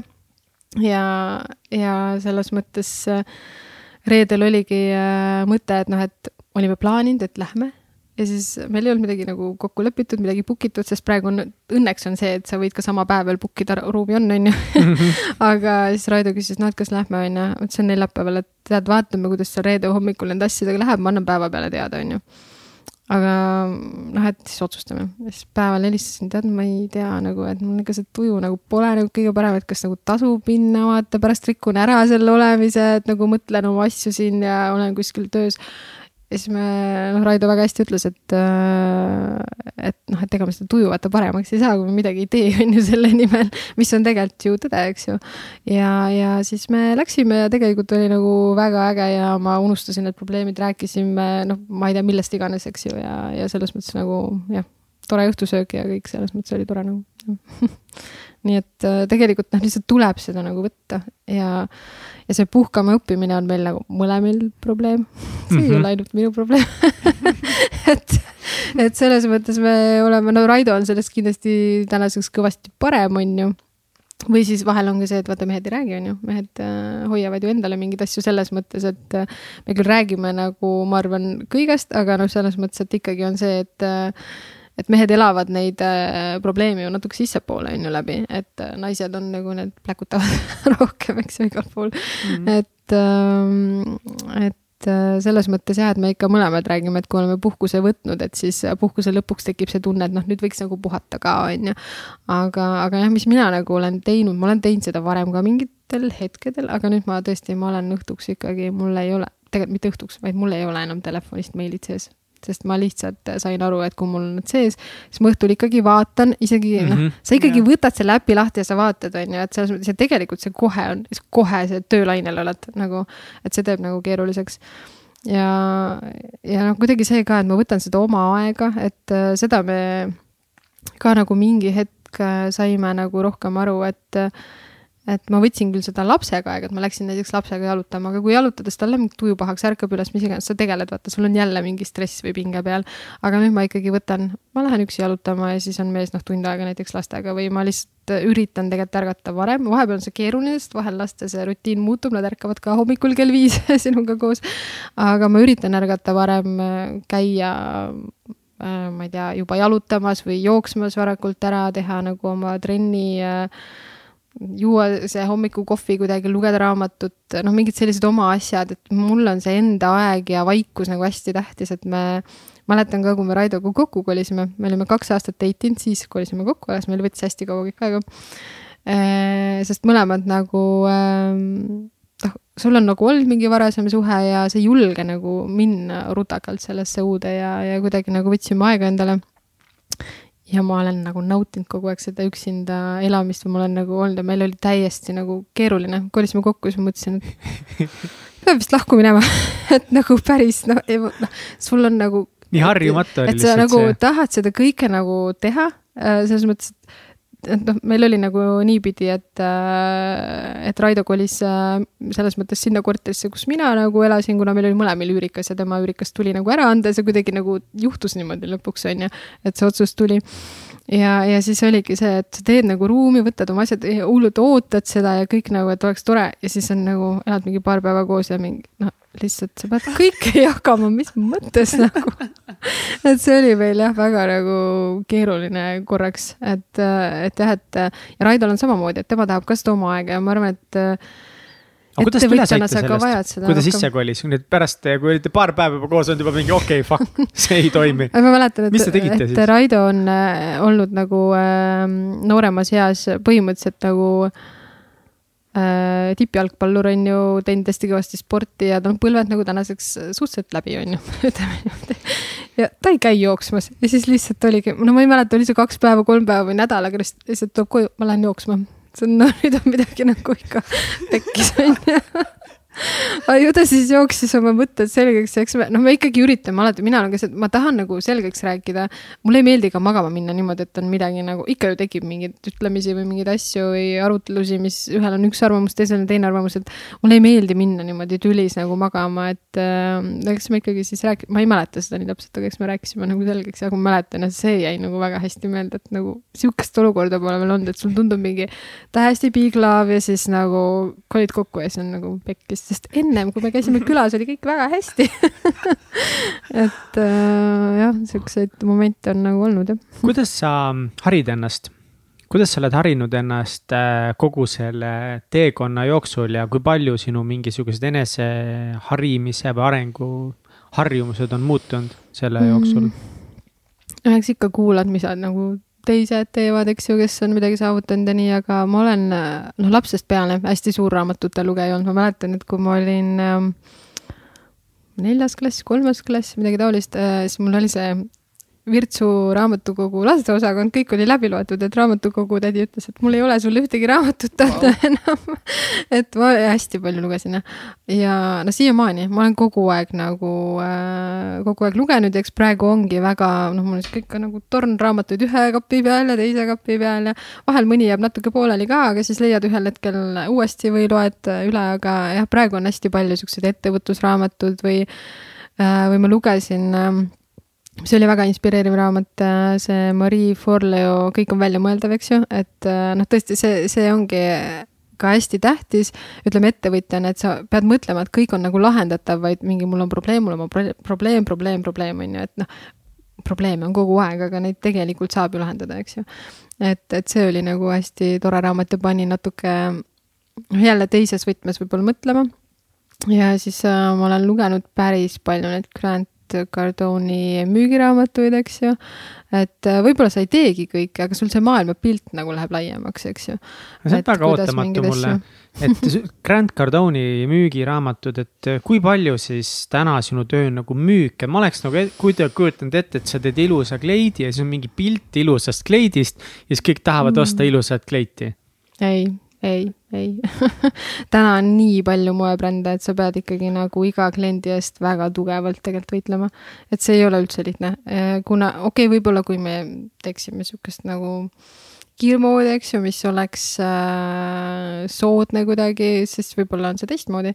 aga meil on ikkagi väga eksklusiivne toode, ta on äh,, noh, me teeme ka täna ka välja, väljapoole Eestit, eks ju uh,. Made to measure äh, tooteid, eks ju, et selles mõttes siis inimene tahab, et see on perfektne, ma kasutan kõige kallimaid materjale põhimõtteliselt, eks ju, et, et see on äh, hästi raske müük hästi raske, et. kes on üldse need, kes need, too, nagu mingi näide, kes, kes on nagu sinuga ja mida ta actually teeb, ma tahaks nagu teada, kes, kes need on, kes suudab mingi näiteks nelja tuhande, nelja tuhande euroseid kleite endale osta. advokaadid, mm -hmm. president on meil um,. Mm, siis on, no ütleme, noh, ongi see, see juristid ja neid noh, ütleme erinevad selles mõttes äh, sealt, sealt suunast on nagu päris palju, eks ju, kliente. Äh, notarid no väga nagu siuksed edumeelsed naised või nagu, kes ütleme, osakonnajuhid, ettevõtete juhid, et ja väga palju on ettevõtjaid et.... aga kui suur protsent on täna nagu välismaa kliendid kogu kliendi mm. portfellist? Ma võin öelda sulle käibest, ma ei oska no, klientide yeah, nagu seda mm, -hmm. niimoodi mm -hmm. neid ei loe, aga ütleme, et eelmine aasta oli seitseteist protsenti käibest tuli ekspordist ja praegu sel aasta, kui ma nüüd ei eksi, see number on midagi üle kolmekümne protsendi okay.. et päris palju on ikkagist mm. siis ikkagist Eesti, Eesti naisi, kes Eesti, jaa, no selles mõttes jah, et ütleme, et see ekspordi osakaal meil vaikselt nagu kasvab alles, sest me tegelikult hakkasime eksportima põhimõtteliselt suuremalt nagu kaks tuhat üheksateist, eks ju. ja, ja sellega on ka muidugi omaette lugu, et ikka seda eksporti planeerisime pikalt, aga esimene kord, kui me tahtsime väljapoole minna, kirjutasin EAS-ile kõik need äh, ekspordi äh, või tähendab, hakkasin kirjutama, see, ma käisin isegi konsultatsioonidel ja kõik, ah siis ma jäin rasedaks ja mõtlesin, et no seda ma ei julge praegu võtta, vaata, et ja siis ma lükkasin edasi ja tegin siis uuesti, noh, põhimõtteliselt enne teist last midagi ei muutunud, et laps tuli ikka mängu. aga jah, et, et selles mõttes kaks tuhat üheksateist hakkasime, meil on täna kliente viieteistkümnest riigist, eks ju, et äh, väga palju on USA ja Kanada suunalt ähm,. aga kuidas sa siis teed inimesele, kes elab USA-s riide, mis on täpselt talle? No meil on selline reguleeritav äh, nagu manneken, eks ju, sa saad panna selle inimese mõõdud peale, mul on väga head äh, konstruktorid, rätsepad, et me räägime väga detailselt läbi, noh, siin tulebki mängu ka see aspekt, et mul on endal kogu see know-how, eks ju, kuidas lõiget tehakse noh, et ma oskan kaasa rääkida selles ja kui palju tuleb mingeid avarusi arvestada. mõõt, mõõdud mõõdab ja, kõik kohad ja. keha ümber ära. ja meil on oma süsteem, kuidas me saadame talle kõik info, mis meil, mis andmeid meil on vaja. no väga soovituslik on, et ta läheks, laseks võtta need mõnel nagu äh, õmblejal või rätsepal, eks ju, kui tal on selline inimene võtta. aga noh, alati ei ole, et tegelikult nad mõõdavad ka ise või ma ei tea, mees aitab või sõbranna aitab, eks ju, et aga noh, siiamaani on inimesed äh, väga rahul olnud, et, äh, et tõesti, meil on nagu õnnestunud väga hästi. Ja noh, ma arvan, et see on üks niisugune nagu konkurentsieelis ka, et sa suudad teha midagi, mida teised ei tee, sest et näiteks USA poolt ongi meile öeldud, et meil ei tee siin mitte keegi sellist asja noh, et sa pakud nagu niisugust individuaalset ja väga personaalset teenust, et ütleme, selle kliendiga, kes meil on, ongi see suhtlus kõik väga personaalne. ja, ja siin tuleb mängu ka see, et kuna ma ise olengi perfektsionist, ma tahan, et on perfektne, kui midagi on halvasti, siis ma alati elan neid asju ise hästi läbi, et seda mulle nagu Raido ka ütleb, et sa pead natuke nagu eraldama ennast mm -hmm. ja ettevõtet. see on nii raske. see on raske, no ma järjest nagu õpin seda, eks ju, et seda nagu saab teha, aga see tõesti võtab aega, sest see bränd ju tegelikult olen nagu mina suuresti, on ju. et mul ei ole küll ta omanimeline, eks ju, et, et ühtepidi see on võib-olla nagu äh, hea, et tal on äh, noh, brändil on eraldi nimi, aga ikkagi, et ma olen ju see inimene selle taga või see nägu selle taga, eks ju, et et täna on see persooni bränd on just nagu nii tähtis, et varem, kui ma üksteist aastat tagasi alustasin, see ei olnud üldse nii oluline, eks ju, et täna on mhm. see tegelikult palju tähtsam ja sa oled seal oma näoga, sina vastutad, kui midagi on nagu pekkis, siis vaadatakse sinu otsa, eks ju. kas see oli teadlik otsus või algusest peale teadsid, sa tahad teha just seda väga kõige kõrgemat tippklassi, et see on alati minu arust ka äris on nagu see, et okei okay,, et kas hakkad tegema massile ongi, tahad teha mingit lahedat asja, aga nagu odavamalt ja paljudele. või siis sa võtad hoopiski selle tee, et okei ma hakkan tegema kallist, aga vähemal, et mõlemal on väga tugevad plussid mm, -hmm. väga tugevad miinused. kuidas sa leidsid selle tee enda jaoks? selles mõttes see oli nagu selge, et see toode tuleb äh, kallim, eks ju, et kui sa siin Eestis nagu teed toodet, tahad kvaliteetset äh, tööd teha, et siis ei saa olla nagu odav, pluss nagu me räägime ju väikestest kogustest, eks ju, et äh, et äh, me ei tee siin tuhandete kaupa ühte ja sama mudelit, eks ju, et ähm,. geograafia tegi oma töö suuresti. Mm, jah, jah, Eesti mm. -hmm. et äh, seda küll, aga samas äh, noh, kuna ma olen ka perfektsionist, tõesti, ma tahan, et seda, seda on mul tõesti ema õpetanud, et noh, kõik peab, õmblus peavad olema sirged ja kõik peab olema ideaalne, eks ju. ja kui ei ole, siis võtad lahti. et, et selles mõttes ähm, mm, sellist toodet sa ei saa lihtsalt teha nagu võileiva hinna eest, eks ju, see pole nagu mõeldav, et äh, noh, meil ühelgi tootel nagu niidid ei ripu või õmblused ei ole nagu kõverad, eks ju, et selles mõttes äh, et see nagu tekitab selle juba niikuinii, et see toode on kallim, aga see, et ma jõuan sinna nagu kõige nagu kõrgemale levelile, et see ikkagi on tulnud nagu selles mõttes ajaga, sest et alguses me alustasime pigem sellisest äh, ütleme nagu igapäevasemast äh, tootest või nagu ütleme, valmis kollektsioonist, mis oli siis suurusnumbrites, eks ju, et see individuaalne osa, mida ma olin tegelikult varem teinud, et selle brändiga ma algul selle jätsin nagu kõrvale, aga ma nägin, et see bränd nagu vajab seda, et inimestel ikka on need individuaalsed soovid ja hakkasid tulema need äh, pulmakleitide tellimused, millele ma ise algul üldse tegelikult rõhku ei pannud, eks ju, aga need nii orgaaniliselt kõik nagu tulid ja see samm nagu tuli teha ja tegelikult see individuaalne töö on ka see, mis mulle on alati nagu meeldinud ja siis see kõik tuli nagu sinna juurde juurde ja järjest see bränd on kasvanud järjest, järjest rohkem high-end'iks, eks ju.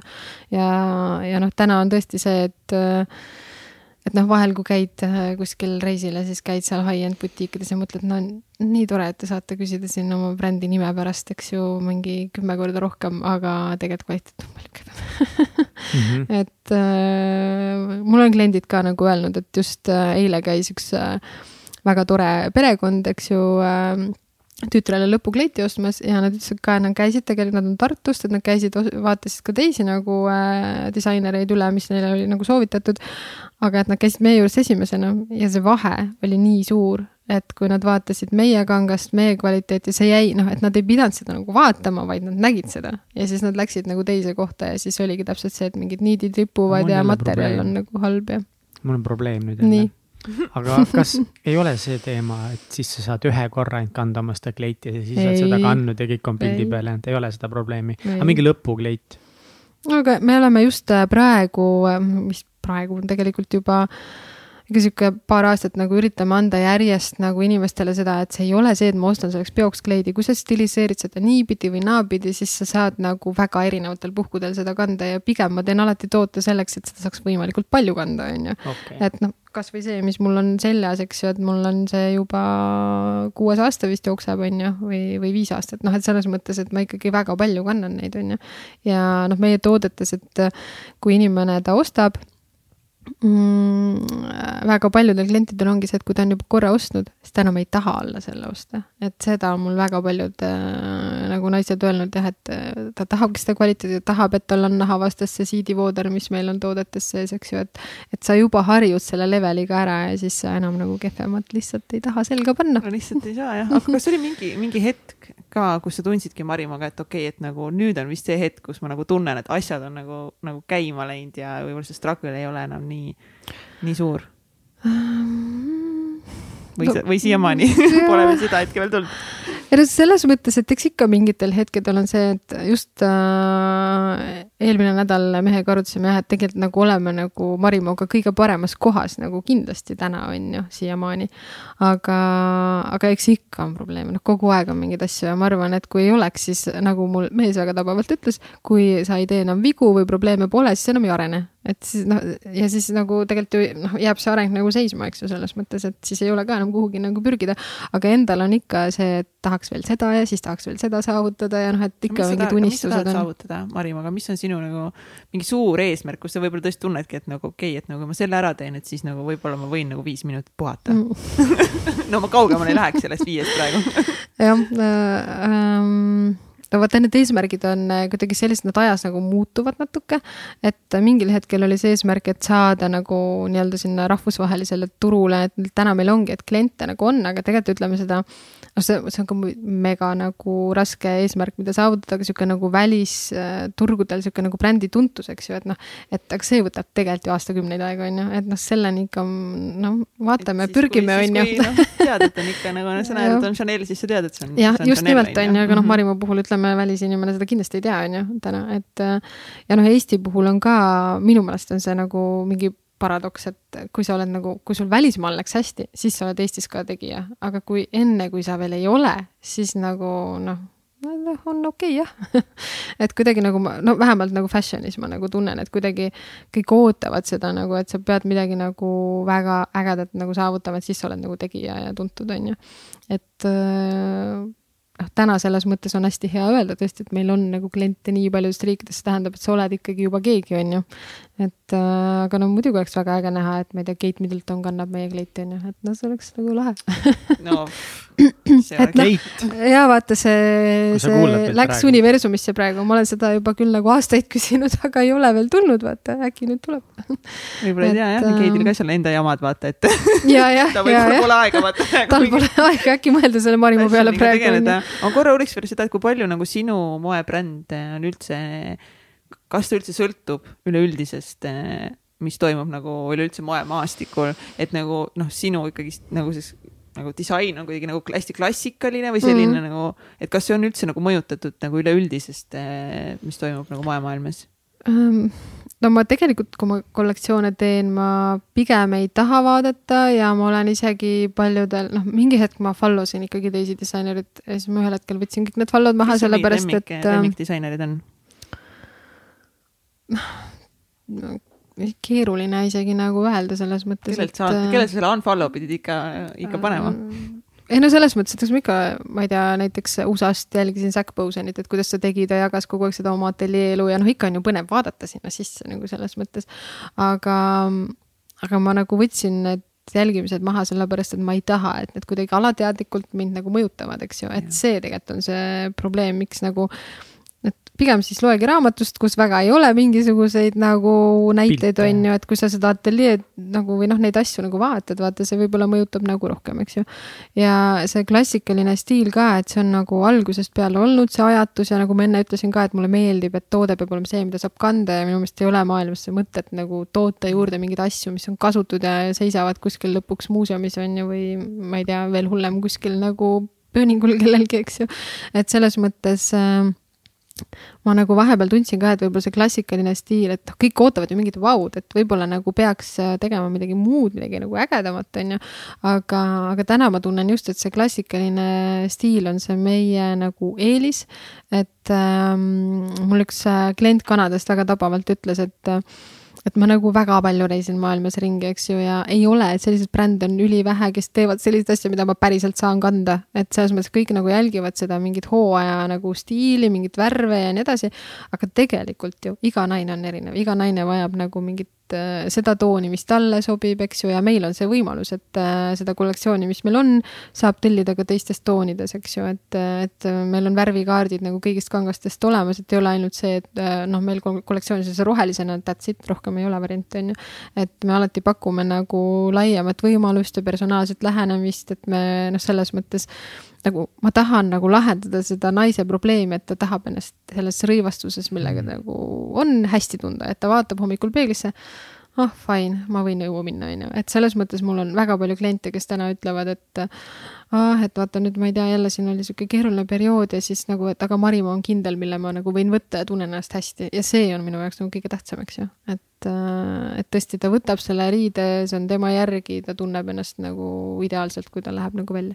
see on nii huvitav nagu kontrast sellest, kuidas ma ise täna nagu mõtlen riietest, et Mm. kui kunagi mulle meeldis hästi kanda triiksärke ja pintsakuid mm. -hmm. unistasin, tähendab, ma tahaks hästi palju pintsakuid olla. siis nüüd ma olen jõudnud olukorda, kus ma tahaks, et mul oleks viis musta särki ja viis valget särki mm. -hmm. lihtsalt T-särgid ja siis kahed teksapüksid ja nagu iga nagu aastaga ma olen järjest nagu vähemate riiete peale läinud ja kuidagi just see see vaev hommikuti, mida ma selga panen ja, ja kas see nagu näeb mingi lahe välja, kas ma olen cool ikka piisavalt ja, ja ma mingi hetk olin väga kinni selles kuidagi mm. -hmm. või, või kuidagi tundsin kogu aeg natukese, et ah, ma tegelikult ei käi ikka nagu piisavalt lahedasti riides või näed nagu Instagramis, ah, plää, kõik on mingid noh, kutid ka on ju, mingid noh, need mingid nahktagid, sall mm, Mhm. -hmm. need kingad, mingid Ja, kitsad ja, teksad nagu mingi mm,, see on kuskil see väike kaelakee ja see on nii fucking väsitav. noh, tegelikult sa peadki ju ennast nagu ja sa peadki ennast nagu hästi tundma ja ja ma tahan teha ju rõivast, et ma panen täna selga, ma võin kümne aasta pärast ka kanda, eks ju, kui ma teeksin seda, oo vau, praegu on moes see, no sa ei saa seda kümne aasta pärast kanda, võib-olla saad nagu kahekümne aasta pärast, kui see mood tuleb tagasi, kas sa kujutaksid ette ennast kandma ainult ühte särki aasta aega jutti? võib-olla nagu selles mõttes, et ühte klei-, ühte, no mitte ühte eksemplari, aga lihtsalt ühte kleiti, aga sul on kümme tükki neid, nii et saad aeg pesta. no selles mõttes, et me täna oleme tulnud välja ka uue kontseptiga, eks ju, et me pakume naistele kapselkollektsiooni. Ehk et see ongi see, et on nagu need erinevad versioonid on meil pandud kokku, on nagu seitsmest tootest, kaheteistkümnest tootest või siis nagu mingi custom made, eks ju, et noh, siis kas sa tahad viis või kuus või tahad sa kaksteist või kakskümmend on ju, et siis saame nagu selle panna kokku täpselt vajadusest lähtuvalt. aga seal ongi nagu hästi läbimõeldud nagu seitse toodet või kaksteist toodet, et sul ongi need ja sa saad kõik oma asjad aetud, me anname kaasa ka stilistika, kuidas nagu neid asju kombineerida. ja, ja siis ongi naisel see, et sul on nagu läbi, sul on tooted, mis kestavad, sul läbimõeldud stilistika, ma annan selle kõik info talle kaasa, on ju. ja tegelikult et äh, ta saabki käia mul iga päev oma seitsme tootega mul oleks väga vaja seda. ei, mul oleks meeste vaja, aga nagu ma veel ei saaks lubada seda mingit meelt disainerit, aga see on täpselt see, mida mul vaja oleks mm. see legit nagu, sest vahepeal ma ikka mõtlen, kui ma vaatan ikkagi neid Instagrami pilte, et aga kurat, võib-olla ikka mul võiks olla teistsugused asjad mm -hmm. kui ainult viis musta ja viis valget särki. ja see on nagu see struggle, et tegelikult oleks tore, kui keegi annab mulle mingi ilusad riided, aga mm -hmm. lihtsalt no mingi seitse, mitte rohkem, siis ma saan. jaa, aga see kanda. ongi, et tegelikult ei olegi vaja nagu rohkem ka ja sa saad mingi hetk siis asendada mingeid tooteid, mis nagu väsivad ära, on ju, või natukene nagu uuendad mingi nurga alt, eks ju. et ma olen nende klientidele ka öelnud, kes täna selle kapselkollektsiooni on juba nagu soetanud endale, et ongi, et kui hooajaliselt me ju ikka teeme kollektsioone edasi, et siis ma mõtlen ka selles võtmes, et sa saad seda täiendada, et ma olen kogu aeg nagu mõelnud selles võtmes, et kui sul on Marimo kollektsioon aastast kaks tuhat neliteist on ju, siis tuleb kaks tuhat kakskümmend, et sa saad neid asju nagu mix ida. ja, ja seda on selles mõttes võib-olla lihtne mõelda, et nad ju lähtuvad sellest, mis on minu enda vajadused, eks ju, ja mul endal ei ole nagu kunagi olnud suur garderoob, et kõik arvavad, et oo, disainerina sul on ju mega palju, aga noh, te olete kuulnud, et kingsepad käivad kingadeta, on ju. Mhm. et selles mõttes ongi see, et endal mul tegelikult on kogu aeg pigem olnud vähe asju ja ma kombineerin neid ühtpidi, teistpidi, et meie nagu kleite saabki kanda, ma ei tea, saapast, tennisest kuni nagu väga piduliku kõrge kontsani ja lähtuvalt siis sellest, et noh, kui sa oled päeval tööl, oled tennisega, paned sinna peale jaki, mis on nagu sihuke casual im, eks ju, siis võtad meie selle Swarovski vöö, paned kleidile peale, võt-, paned kinga alla, on ju. kuidas sa HM-i suhtud? kõige mm., kõigesse sellesse, millest ta seisab, mis ta on mm. ja kuidas see kõik välja näeb ja? noh, selles mõttes, et ma kindlasti ei arva nagu, üldse see moe, see on tegelikult hästi keeruline teema, ma olen selle peale nii palju mõelnud üldse nagu moemaailmas, et isegi kui ma teen sellist kestvat või noh, kaua kestvat kvaliteetset asja, on ju, no ikkagi oled nagu maailmale halb ja noh, selles mõttes, kui selles võtmes nagu ikkagi sa mm. toodad, on ju, ja, ja niimoodi, aga samas ähm,. no ei anna HM-iga ikka võrrelda. ei noh, seda kindlasti mitte, aga jah, et me teeme ikkagi oluliselt vähem, onju. ja kasutame nagu looduslikke kangaid nii palju, kui on võimalik, eks ju, et selles mõttes, et looduslikud naturaalsed kangad on mu enda nagu lemmikud, onju. et et selles mõttes me kindlasti ja noh, tõesti, me maksame inimestele ausat palka ja kõik see teema, eks ju. et äh, noh, HM ju seisab ka täna ikkagi väga paljude nagu asjades, mis maailmas on halvasti, on ju. aga no,, aga samas, äh, no nad ju ikkagi äh, koguvad ju oma tooteid tagasi ja toimetavad, ma ei ole väga sada protsenti kursis, aga midagi nad seal Mida, teevad. midagi nad toimetavad, aga vahepeal see tundubki, et see no, võib olla nagu good puh... marketing. aga see võib olla turundus jah, et sa kunagi ei tea, vaata. muidu neid täiesti lintšitakse ära. ja pluss nagu kuidas sa neid toodad ja mis materjalid ja kõik see nagu, et noh, see on ikka rets. et noh, selles mõttes kindlasti nagu jah, et kui mõelda nagu maailma aspektist, siis see on nagu halb, mida nad teevad ja mina kindlasti ei kannaks, ma ei tahaks käia riietes, millega mul tuleb nagu veel nagu viissada inimest vastu ka Eestis on ju, aga. või no, et inimene on saanud mingi euro selle tegemise eest jah, just on ju, et no, see, see on nagu, ma arvan, et see on sentides jah ja. pigem ja,. et, et noh, see ja noh, see lapstööjõud ja kõik mm., mis seal nagu kaasas käib, et see on nagu väga õudne. teisest küljest mõtled nagu ettevõtja nagu vaatenurgast no, on ikka üks tüüp väga hea äri püsti pannud, on ju. et noh, oleneb, mis nurga alt sa seda nagu vaatad, on ju.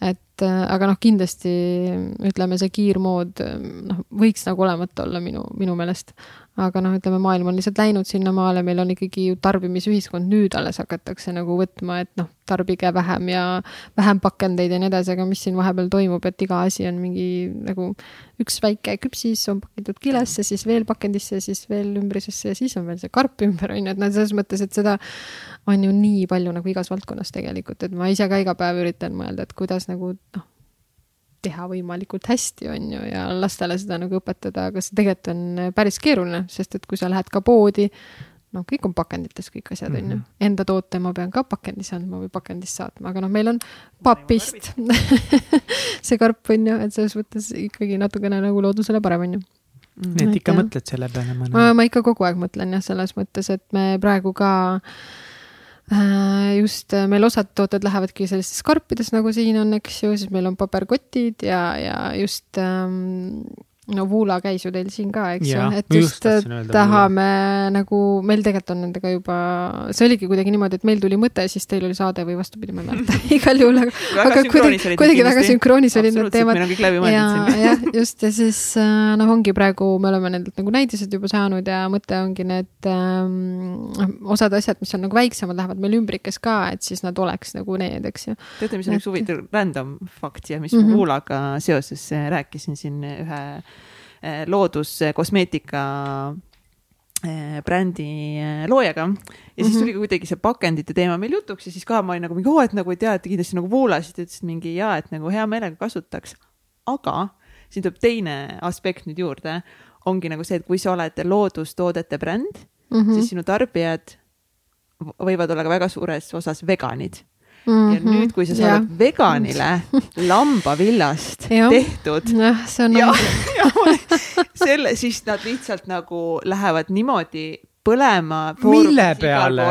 sellepärast, et see on looma küljest tulnud ja keegi ei küsinud tema käest luba, kas keegi võib talle mm Mhm. -hmm. nagu saata seda ja siis ta oligi lihtsalt noh, täiesti ka nii okei okay,, laseme. lammastel ära surra lihtsalt. no okei okay,, kui sul on probleem sellega, et äh, lambavilja ei kasutada, siis lihtsalt kõik lambad surevad ära, aga pärast seda, kui kõik lambad on ära surnud, jah, siis me enam neid ei kiusa, aga kui sa tahad lambaid elus hoida, siis nendelt tuleb vill ära võtta, sest nad surevad ära ja muidu. kusjuures see on meil ka nagu teema, et ütleme just, kui meil on USA klientidest rääkides, see, seal on see vegan teema nagu noh, veel rohkem in, kui see siin ju täna veel on, on ju.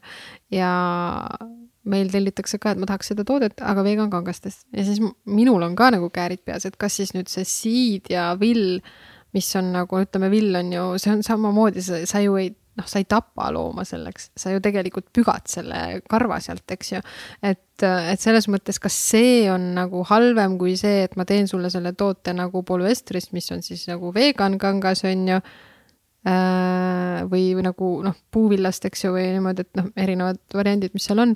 et kas see on siis nagu ütleme, see polüester, kas see on parem, mis toodetakse jääkidest ja mis on ka maailmale nagu väga Jah. halb, on ju, Mhm. et noh, et, et vaata, on mingi osa inimesi, kes seisab just selle eest, et äh, vältida neid nagu mittelooduslikke kiude, sest looduslik on parem ja siis on teine nüüd see grupp, kes on nagu veganid ja siis äh, ei sobi jälle see looduslik materjal, eks ju. et siin ongi nagu see nii suur nagu kogu aeg mõtled, et noh, mis see siis mm -hmm. see kõige õigem on, sest et tegelikult on äh, ikkagi keegi, kellele miski ei sobi, on ju. jah, muidugi. et nagu ma hästi ei osanud nagu selle nurga pealt nagu üldse mõelda, kui ta rääkis mulle, ma olin lihtsalt mingi ja ma olen nagu, nagu noh, selles mõttes ka taimetoitlane ja väga armastan Mhm. loomi ja kõik see Mhm. nagu, aga minu jaoks oli see täielik nagu noh, mingi mida inimesed, et nagu noh, et come on, et, et ükski äärmus ei ole lõpuks nagu jah, hea et see ei ole See läheb lõpuks nagu nagu okei lihtsalt, ja just. ei no. loomulikult ma olen nõus. tervele loodusele, ökosüsteemile. mis see see oli? See just Elo või? tervel ökosüsteemil loodusel on parem, kui inimesed poleks olemas. absoluutselt. aga me oleme siin, onju. nii et tapa ennast ära või fucking saa hakkama, ma ei tea nagu lihtsalt see vahepeal, see läheb nii kaugele, sest minu probleem, miks ma olen närvis selle peale, on see, et see kõik võtab nii palju tähelepanu ära asjadelt, kus me saame palju rohkem teha Mm. et, et nagu jah, tore on, et kõik pööravad kõikidele aspektidele tähelepanu. Aga vahepeal on vaja see, et me pöörame nagu suurema grupiga väiksematele asjadele, ühele asjale mm. -hmm. tähelepanu, teeme selle korda, on ju, et. et nagu no, nii palju karjutakse suvaliste asjade peale, see ongi see, et, et sa karjud iga asja peale, aga sa ei tee nagu väga palju neid korda ka, võtame ennast kokku, teeme ühe asja ära. Don't know. ja samas meil on näiteks ka see pool on ju, et me kangaid ikkagi kasutame no nii viimseni nagu tükini ära, kui me saame, on ju, et meil ei teki sihukest mingit mega nagu palju jäätmeid, eks ju, mis on ju tegelikult tekstiilitööstuse või rõivatööstuses üks mm. -hmm. väga suur probleem on ju. no nendel on Et noh- telefonid, sormisega vahele, aga kõigil nendel veganitel on telefonid. telefonikiibid absoluutselt, kasutavad neid üli, mis need rare metals on, millest tehakse kiipe, kes neid äh, kaevandavad, lapsed Aafrikas. Mm. see kogu see mingi teatud ränikaevandus ja kõik see, see on mega ränk ja see ongi see, et aga sul on telefon, noh, see on, see, see, see on nii juba nagu see läheb nii tihti, läheb yeah. Nii silmakirjalikuks lihtsalt, seab mind ka kettasse nagu, et. et nagu minna On näha. tihti iga asja peale, kui sul samal ajal, kui sul on telefon, kui sul on telefon, siis ole vait no tegelikult ei ole muidugi, noh, keegi peab karjuma, sest muidu, muidu ei muutu midagi yeah. ja keegi peab kõvasti karjuma, me näeme, et väga kõvasti peab karjuma, et asjad muutuksid. ei no Aga selles no, mõttes jah, et ma ütlen, ma olen äh, ikka paar korda, me oleme marketing manager'iga olemegi nagu arutanud, et üks, üks päev nagu kurtsin talle reaalselt, kui me pildistasime mingeid sotsmeedia, sotsiaalmeedia nagu pilte, eks ju, et nii, meil see vegan sealt on ju nii. ja siis ma nagu mõtlesingi selle peale, täpselt sedasama teema, siis mõtlesin, ma ei tea nagu vaata, et põhimõtteliselt, kui ma ei tahaks teha maailmale halba, siis ma sisuliselt ma peaks ju nagu üldse lõpetama oma tegevuse ära, vaata kõik putka kinni panema on Ja ju. nagu maale koopasse põhimõtteliselt elama ja ja maale kolima elama Ise ja ise kõike, kasvatama jah. kõike, mida ma söön, on ju. et aga noh, me keegi ei ole nõus seda tegema. just. ja, ja no ongi, vaatame tõele silma nagu üheksakümmend üheksa, üheksakümmend üheksa protsenti inimesi selle planeedi peal, me ei ole nõus seda tegema. Ja seda ja ei juhtu. samas on ju see, et nii palju asju saab äh, noh, päästa ka nagu teisiti, et jah, loodusel on nagu väga kehvasti, on ju. aga kui sa Väga., kui vaatad äh, neid äh, filme, eks ju, et siis tegelikult annaks väga paljudest muudest kohtadest alustada, et noh, ma ei tea, toiduainetööstused, asjad, noh, mida me toodame ju toitu väga palju üle täna, on ju. et noh, selles mõttes, et kõiki siukseid asju saaks ju parandada, aga miks neid ei tehta? et noh, selles mõttes neid asju Jaa. on ju palju või noh, ma ei tea väga, minu jalajälg selles mõttes on väiksem, et ma käin jala igal pool näiteks on ju sõidan nagu autoga väga vähe, eks, et noh, mingid sellised asjad, et et noh, seda saab nagu ka mujalt nagu võtta, on ju, et okei okay,, loomulikult meil on pere peal auto veel, lapsed peame nagu neid transportima, aga me kasutame seda pigem siis, kui me käime nagu, eks ju, kaugemal, lähmegi maale külla vanematele, eks ju. aga pole hullu, selles mõttes, et. ja ma ei tahtki nagu planeet- kedagi ei, veganeid siin ei, mul on nagu väga hea ei, lahendus. me sureme midagi kõik välja nii või naa. selles mõttes, et pole hullu. me sureme nii või naa kõik välja. Ja üheksakümmend üheksa koma üheksakümmend üheksa kõikidest liikidest, kes kunagi selle planeedi peal elanud on, on välja surnud. Mm. nagu, et see on noh, kahjuks läheb päris ühel tükk aega tuleb ka meie päev. ühel hetkel meil kahjuks Mm. nagu päris palju aega läheb enne selleni, et võiks elada nagu paremini, mitte nagu piinas ja põhjustada piina, aga nagu lõpuks kõik liigid surevad välja, nii või naa. Mm. ja universumi suures skaalas jah, nagu we don't matter. no siis äh, rahvas kolib äh, Marsile, kui muud võimalust pole luuakse No. sinna elu, on ju. ja midagi ikka kuskil käib midagi ikka kuskilt tuleb, jah. aga mis, mis siin lõpetuseks võib-olla selline küsimus, et enne kui välg- välgutama hakkame siin on ju, et mis on täna sinu suurimad väljakutsed üldse elus emana, ettevõtjana, igal pool, millega sa tegeled? No täna väga suur väljakutse meil on see, et me elame kahe lapsega väga väikeses korteris. et meil on seal nelja peale nelikümmend neli ruutu, see on, ütleme ühtepidi nagu on nunnu armas väike kodu No aga aga nagu meil on- teistpidi meil on kahe peale mingi umbes, ma arvan, rohkem isegi ruute praegu, et ma mõtlen, kui sul on veel lapsed Joo. ka, siis ma ei nagu. ei no me arvasime Nagu ka, et me kolime sealt ära, kui esimene laps sünnib. seal me elame ikka veel. aga te ehitate maja, mis on tore. jah, no me nüüd alustasime, et võtab veel aega, aga just, et kuna me oleme otsinud seda oma unistuste kohta, et kui juba ostad, eks ju, et tahaks nagu ideaalselt, siis nüüd tundus kõige loogilisem hakata ehitama. et see on natuke Tallinnast väljas ja, ja ongi, tahaks, et lapsed saavad nagu maal äh, mängida, et me ise oleme mõlemad maalapsed, eks ju, et siis äh, mäletad seda, kus sul oli ruum ja teed ukse lahti, lased lapse õue, et linnas seda, meil on küll hooviga maja ja kõik, aga noh, sa ei lase, kui sul on kõrval on nagu tee, autod sõidavad, on ju, et mm. -hmm. laps ühel hetkel mõtleb, läheks väravast välja, et noh, ei taha seda olukorda nagu. jah, järg, järgmine asi, mille, üle tänulik olla, et me saame osta või ehitada endale maju loodusesse. ja et Eestis veel on seda loodust, on ju, ja seda maad, et siin on nagu võimalik jah. iga maja, mis ehitad loodust vähem. jah, aga jah, seda ka. aga ma ehitangi, lihtsalt kõigil teadmiseks, ma ehitan vähemalt kolm maja endale loodusesse ühel hetkel. vähemalt kolm hetke. Vähemalt kolm miks sul kolme vaja on no,. üks on suvila, mm.? siis äh, üks on nagu linnas ja siis üks on maal. No. noh, see on palju õnne unistus. selle haldamisel sulle.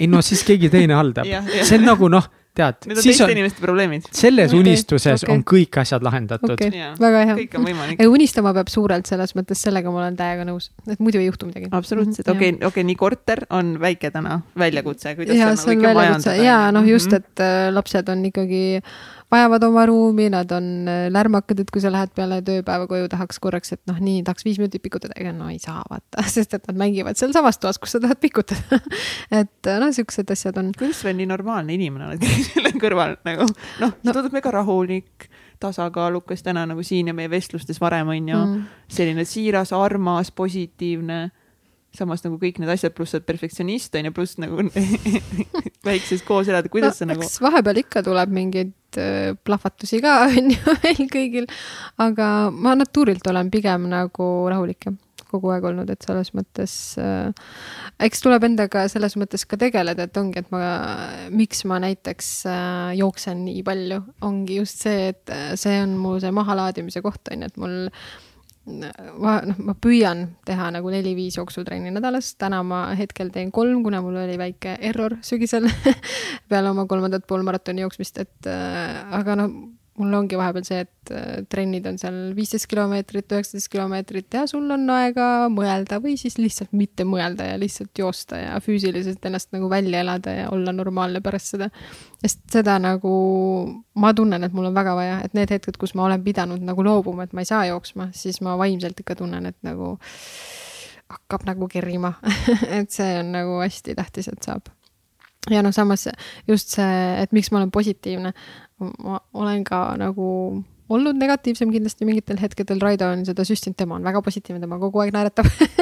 Et aga sa peadki nagu äh, pead nagu olema lahendusele orienteeritud, sest muidu ja. ongi nagu väga negatiivne kõik ja kui sa oled negatiivne, siis sa toodad seda negatiivsust, kui sa oled nagu positiivne, sa toodad pigem seda positiivsust, et see on nagu ära nähtud lihtsalt et siis ma arvan, elu on mind õpetanud kindlasti positiivseks, et kui vaadata lapsepõlvepilte, siis suu oli ikkagi niimoodi ma tahaks mõnda su kleiti kanda no, aga naised või mehed on ennegi kleite kandnud, vaata. see oli küll ootamatu väga ootamatu siia vahele. lõppu lihtsalt me räägime hoopis mingit teistest teemadest, lihtsalt Mihkel Esko avastab, et ta tahaks ka Marimaa kleiti lihtsalt kanda. oota, kuhu selle kleidiga läheksid? ma ei tea, aga lihtsalt see oli nii ilus nagu tõde, mida siin mõtlesin, mis selle peale mõtlesin, ma tahaks kleiti kanda lihtsalt. lihtsalt ei, selle no, tõde, selle tõde eest. Fashion show'le vaja ja, sellist nagu show stopperit siis. Showstopper, et, kui mina tulen, siis on pidu läbi, siis mingi ah.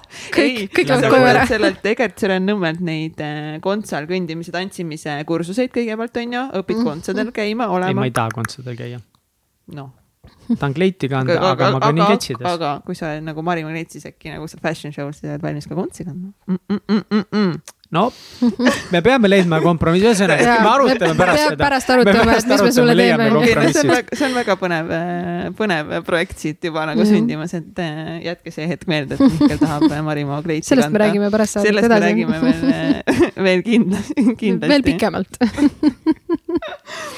aga veel, aga veel mõned väljakutsed no kindlasti ütleme, kogu aeg on olnud tegelikult äh, see heade töötajate leidmine, see on nagu pidev sihuke protsess, et et hetkel ka meil äh, üks inimene äh, läks nagu ära, otsime uut brändijuhti endale, et äh, see on jälle see hetk, kus sa pead võtma mingid asjad enda kanda, eks ju, teed, et kuniks sa leiad selle uue õige inimese, et ja, ja see inimene peab ju tiimi sobitama, et täna on, täna on ikkagi mul nagu igapäevaselt nagu kuus inimest, eks ju, majas ja, ja, ja marketing manager teeb nagu noh, meile nagu teenusena oma tööd.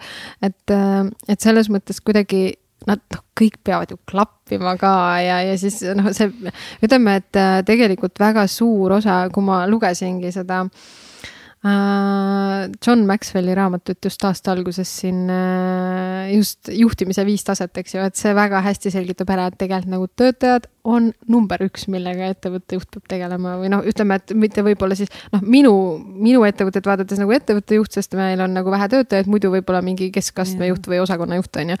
et, et kui töötajatel on kõik hästi, siis kõik muu nagu toimib ja töötab, on ju.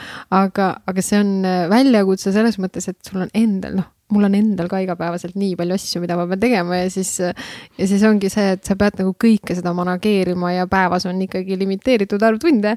et see on kindlasti või no ütleme üldse see ettevõtte juhtimine, et see, see ongi nagu väga suur väljakutse, sest et see, see on konstantne, sest et ega. delegeerimine, õppima delegeerima kõvasti. see oli alguses ikkagi ka keeruline, et tänaseks ma ikkagi noh järjest rohkem nagu olen harjunud, oskan seda teha, aga, aga alguses oli ka, et mõtled, on ju algul, et ah, mis see on nii väike asi, ma teen ise ära vaata kiirelt, et saab kiiremini kui see, et ma seletan. aga noh, tegelikult siis sa pead ju veel mingi kümneid kordi sedasama asja ise ära tegema ja siis sa ei saagi nendest asjadest lahti. et selles mõttes tuleb nagu suhteliselt julmalt lahti lasta ja, ja arvestada sellega, et võib-olla isegi hetkeks korraks nagu kvaliteet langeb, aga lõpuks see kvaliteet ju nagu tõuseb, sest inimesed teevad kõik oma neid osasid ja need asjad saavad ju kiiremini tehtud, kui siis, kui ma teeks kõike üksinda, eks ju. pluss nad õpivad, arenevad mm just, ta lõpuks teeb jah. paremini arvatavasti, kui mina teeks, on ju, sest et no, ma ei jõua kõiki neid asju nagu teha ja selleks inimesi ju ongi vaja, et sa ei jõua kõike ise teha lihtsalt, eks ju. see on see mingi tasakaal seal kuidagi selle vahel, et nii-öelda koolitada inimesed välja õigeteks inimesteks Just. versus leida Just. need õiged inimesed, et seal on sihuke mingi sihuke veider tasakaal, mille peab üles leidma. ja ma nagu enda ettevõttes püüan ka niimoodi vaadata inimesi, et kui meil on see inimene nagu paigas ja ta mõnda aega juba on teinud ma püüan nagu vaadata, mis on need tema kõige suuremad tugevused ja neid asju talle nagu suunata rohkem ja pigem siis muid asju, kas siis jaotada teiste inimeste vahel või noh, kuidagi niimoodi nagu sättida natuke neid asju ka ümber, et. et äh, siis tegelikult saavutab nagu rohkem, et äh, mõnel inimesel lihtsalt mõni asi ei, ei tulegi välja või see ei olegi tema asi ja sellega peab nagu arvestama, on ju. et, et jah, kuidagi neid asju õpid ka nagu ajas vaatama, et ega sa alguses kohe ei oska, et Äh, jah, et see on olnud nagu sihuke, no kogu aeg õpid, ütleme niimoodi. et see võt-, võtab aega, aga näed, kümme aastat kogemust juba oled natuke targem tšut-tšut. ja no pisut jah, et selles mõttes. aga, aga nagu selles mõttes ju lihtsamaks ei lähe vaata nagu tegelikult ju, või? No selles mõttes mul äh, mingi hetk ma mäletan äh,, Raidoga arutasime, et äh, noh, rääkisime mingist oma probleemist ja siis ta ütles väga tabavalt, et äh,, et äh, noh, sisuliselt on see, et jah, et kui ma ütlesingi, et noh, et sul vaata ei ole neid, et sul on ettevõte juba suurem, sul ei ole neid probleeme, et tegelikult ma ju kõrvalt näen täna, et on ja, ja ta ütles ka, et, et vahet ei ole suuremas ettevõttes sul on mingid teised probleemid, aga probleemid jäävad alati selles mõttes, et kogu aeg on mingisuguseid mm -hmm. teemasid, mida on vaja lahendada, on ju, et noh, ma arvan, sellist võimalust ei olegi, et mitte ühtegi nagu. aga ma arvan, et mis ka ütlesid nagu, et lihtsamaks jälle mõnes mm. mõttes, ma arvan, et kui üldse lihtsamaks, see läheb väga pika aja peale, lihtsalt sa teed midagi valesti. et teatud elukvaliteet et... ning sihuke igapäevane nagu elu peab lihtsamaks minema tegelikult. ei, selles mõttes ja, lihtsamaks, probleemid, no, probleemid äh, on olemas, aga sa oskad neid võib-olla nagu hallata, ennast paremini ja. nagu välja lülitada, täna ma ikkagi, no enne ma tegin nädalavahetusel ka kogu aeg tööd, täna mulle ikkagi väga ei meeldi, kui ma pean nädalavahetusel nagu tegema, et et selles mõttes, et ma tunnen, et ma vajan ka seda aega ja ma vajan ka seda väikest restarti, need kaks mm -hmm. päeva, eks ju, et ma saaks uuesti nagu äh, noh, edasi nagu kütta, on ju, sest muidu on lihtsalt äh, noh, sa ei jaksa lihtsalt, et ja. ütleme, võib-olla kahekümne viie aastaselt, kui ma alustasin, siis oli väga okei okay,, et äh, jah, et oled ööd üleval ja jaksad mm. rohkem, aga noh, kolmekümne viieselt nagu no, enam ei jaksa Need niimoodi. protsessid peavad ikkagi lõpuks hakkama tööle minema, et, et kui sa nagu kümne aasta pärast ikka oledki nagu, et sinu väljakutsed on kõik need igapäevased küsimused mm. ja need, et, et kui need aspektid töötad, siis sa teed midagi valesti. Mm.. ma arvan, et jah, et sul on väga suured küsimused, ühel hetkel suured küsimused ongi umbes see, et kas ma lähen börsile või mitte, on ju, see on nüüd väga suur näide, eks ole. Mm.. aga siis su elu peabki olema see, et siis sa istud seal oma noh, kabinetis kodus no, ja saad noh, keskenduda sellele. keskenduda ja mõelda, et see on ka see, mille nimel ma täna just kogu aeg nagu töötan, et, et saada seda, et noh, jah, neid tagasilangusi tuleb, et täna ka ma hetkel pean haldama nagu teise inimese tööd ka, kes meil on praegu puudu, on ju. aga, aga et see eesmärk on ikkagi jõuda sinna, et ma saangi mõelda seda suurt pilti, tegeleda selle suure pildiga rohkem, eks ju, et, et ma ei pea tegelema no, mille, mille iganes tarnimise või mingi sihukese küsimusega ühel hetkel. ja lubada endale et, seda, et sa võid ja, olla eemal natukese oma ettevõttest ja midagi ei kuku kokku. just, just, et noh, selles mõttes ikkagi ma olen käinud ikkagi nagu puhkusereisidel ja võtnud neid puhkuseid, on ju ka mm. -hmm. et selles mõttes mul inimesed töötavad kenasti ja selles mõttes see asi toimib, aga noh, ikkagi on neid hetki, et, et sa töötad kogu aeg selle nimel ja siis midagi kuskil kukub kokku ja sa pead ise nagu sekkuma jälle, et neid noh, neid hetki nagu hetkel ikkagi on ja, ja ettevõte on noh, piisavalt väike, eks ju, oma töötajate arvu poolest, et ma olengi ise, kes seda manageerib, on ju, kui mul oleks võetud CEO, on ju, siis ma võib-olla võikski ise nagu noh, peesitada kuskil ja teha vähem, on ju. aga kas sa et... näed seda tule-, tulemas? no ma väga tahaks, et see ühel hetkel tuleks, aga see, see on see üks unistus võib-olla, on ju, et täna seda nagu noh, et tahaks tõesti, et saaks keskenduda ise sellele loomingulisele poolele, on ju, ja, ja nii, aga aga noh, hetkel ei, ei ole veel see hetk ilmselt jah aga see on ka jälle see, et võib-olla on, aga sa pead ise lahti laskma, eks ju, et sa ja. kunagi ei tea, millal see õige moment on, on ju, aga noh, ma arvan, et ühel hetkel, et no ma järjest rohkem ikkagi mõtlen selles suunas ja töötan selle nimel, et tahaks sinna nagu jõuda, et et ega ju ühel hetkel tahaks ikkagi rohkem nautida ka seda, et nii palju on saadud nagu tööd teha, on ju et, et üks nagu äh, murekoht seal muidugi on, et nagu enne oli ka sellest persooni brändingust nagu juttu, et ähm, et kuna ma olen see disainer, ma olen see inimene selle taga, siis on väga palju inimesi, kes usaldavad just seda disainerit, ta ei taha kohtuda näiteks äh, brand manager'i või müügiinimesega, eks ju. et äh, ta tahabki kohtuda minuga, ta tahabki suhelda minuga ja see küsimus nagu alati jääb, et kuidas neid asju nagu lahendada. ja kuigi noh, samas kui sa võtad ma ei tea, Diori või Chanel'i on ju noh, selles mõttes, et ega see disainer ei sõida sinna nagu mm -hmm. Ameerikasse mingi staariga proovi tegema, et sõidab no, ikkagi. maksab mingi umbes kümme miljonit. jah, et noh, jah, võib-olla siis küll, aga noh, üldiselt ikkagi sõidab keegi teine, vaata. kui seda ettevõtte juhtimist, inimeste manageerimist teebki keegi teine ja, ja sinu ülesanne ongi ainult tead, jood vett, jood smutisid, võtad kliente vastu, noh, ongi vaatad, et kõik personaalselt oleks kaetud mm. ja teed seda. just need kliendid, kes nagu yeah. konkreetselt küsivadki seda. ja, ja, ja noh, selles mõttes äh, ja meil on üks äh, mõte ka oma selles unistuste valmivas majas, et mul oleks ikkagi seal oma see ateljee osa ka, et siis kui ma mm. tahan, siis äh, saangi teha seal ka väga-väga nagu olulisi kohtumisi, on ju et noh, see on ikka vaata, et ikka liigume selles suunas, et tahaks, et kõik nagu äh, ühel päeval on enda jaoks nii, et sa oled töötanud nii kaugele, et sa saad ise võtta natuke vabamalt, eks ju, et, äh, et see on nagu eesmärk kindlasti. aga nii praegu..., nüüd meil on aeg hakata välgutama aga äh, meie iga saate lõpus on veel küsimused mm, -hmm. millest sa oled ilmselt kuulnud võib-olla mõnikord. jah, mõnikord olen kuulnud. mõnikord oled. vaata kui super, näitab, sa oled saated lõpuni kuulanud ja ma ikka kuulan, kui mulle ikka nagu meeldib, siis ma kuulan lõpuni äh, meie esimene välkküsimus äh, kõlab järgmiselt, järgmiselt. Äh, on sul olulisi rutiine või harjumusi, mis teed igapäevaselt või iganädalaselt? ja äh,, igapäevaselt ähm,, no iganädalaselt ma teen äh,, nagu ma rääkisin juba, trenni asju kõvasti, siis ma püüan ärgata äh, perest varem igapäevaselt, alati ei õnnestu, sest lapsed, no nagu ma rääkisin, nende see rutiin muutub, et see, ma vahepeal olin hästi tubli kell viis üleval, lapsed ärkasid seitse, mul oli kaks tundi enda aega, kõik need oma tegevused, raamatu lugemised, asjad said tehtud. et ähm, täna nii hästi sellega pole, aga, aga jah, et selles mõttes ma igapäevaselt kindlasti liigun, ma püüan kõndida kümme kilomeetrit päeva jooksul või siis, kui ma käin jooksmas, siis noh balansseerin, et teen pooleks. et, äh, et jah, see on kindlasti igapäevane, mis hoiab mind kuidagi nagu balansis. isegi siia tulin täna padukaga see oli super, et kõik hakkas sadama täpselt, kui sa tulid. täitsa pekkis oli kõik juba saate alguses milles sa väga hea ei ole ähm,? ma ei ole väga hea valetamises, mis on hästi hea minu meelest mulle ei meeldi valetada. Mulle meeldib, kui mulle valetatakse. ja oota, ma mõtlesin selle küsimuse peale isegi ka veel. mul oli, väga täpselt teadsin, mis asi see on, mida ma ei tee väga hästi, aga ma unustasin ära selle. Asjade meeldejätmine? Ei, mul on tegelikult vastupidi, mul on äh, äh, mul on väga hea mälu ja siis ma vahel ei saa aru, miks teised inimesed ei mäleta nii hästi, aga mida ma ei mäleta, on äh, filmide pealkirjad näiteks never, ma ei tea, kui Raido räägib mingist filmist, räägi žüsseest, muidu ma ei tea, millest sa räägid. Et seda ma kuidagi, ma ei, ma ei fikseeri seda enda peas nagu, jah. mille üle sa oled kõige uhkem oma elus?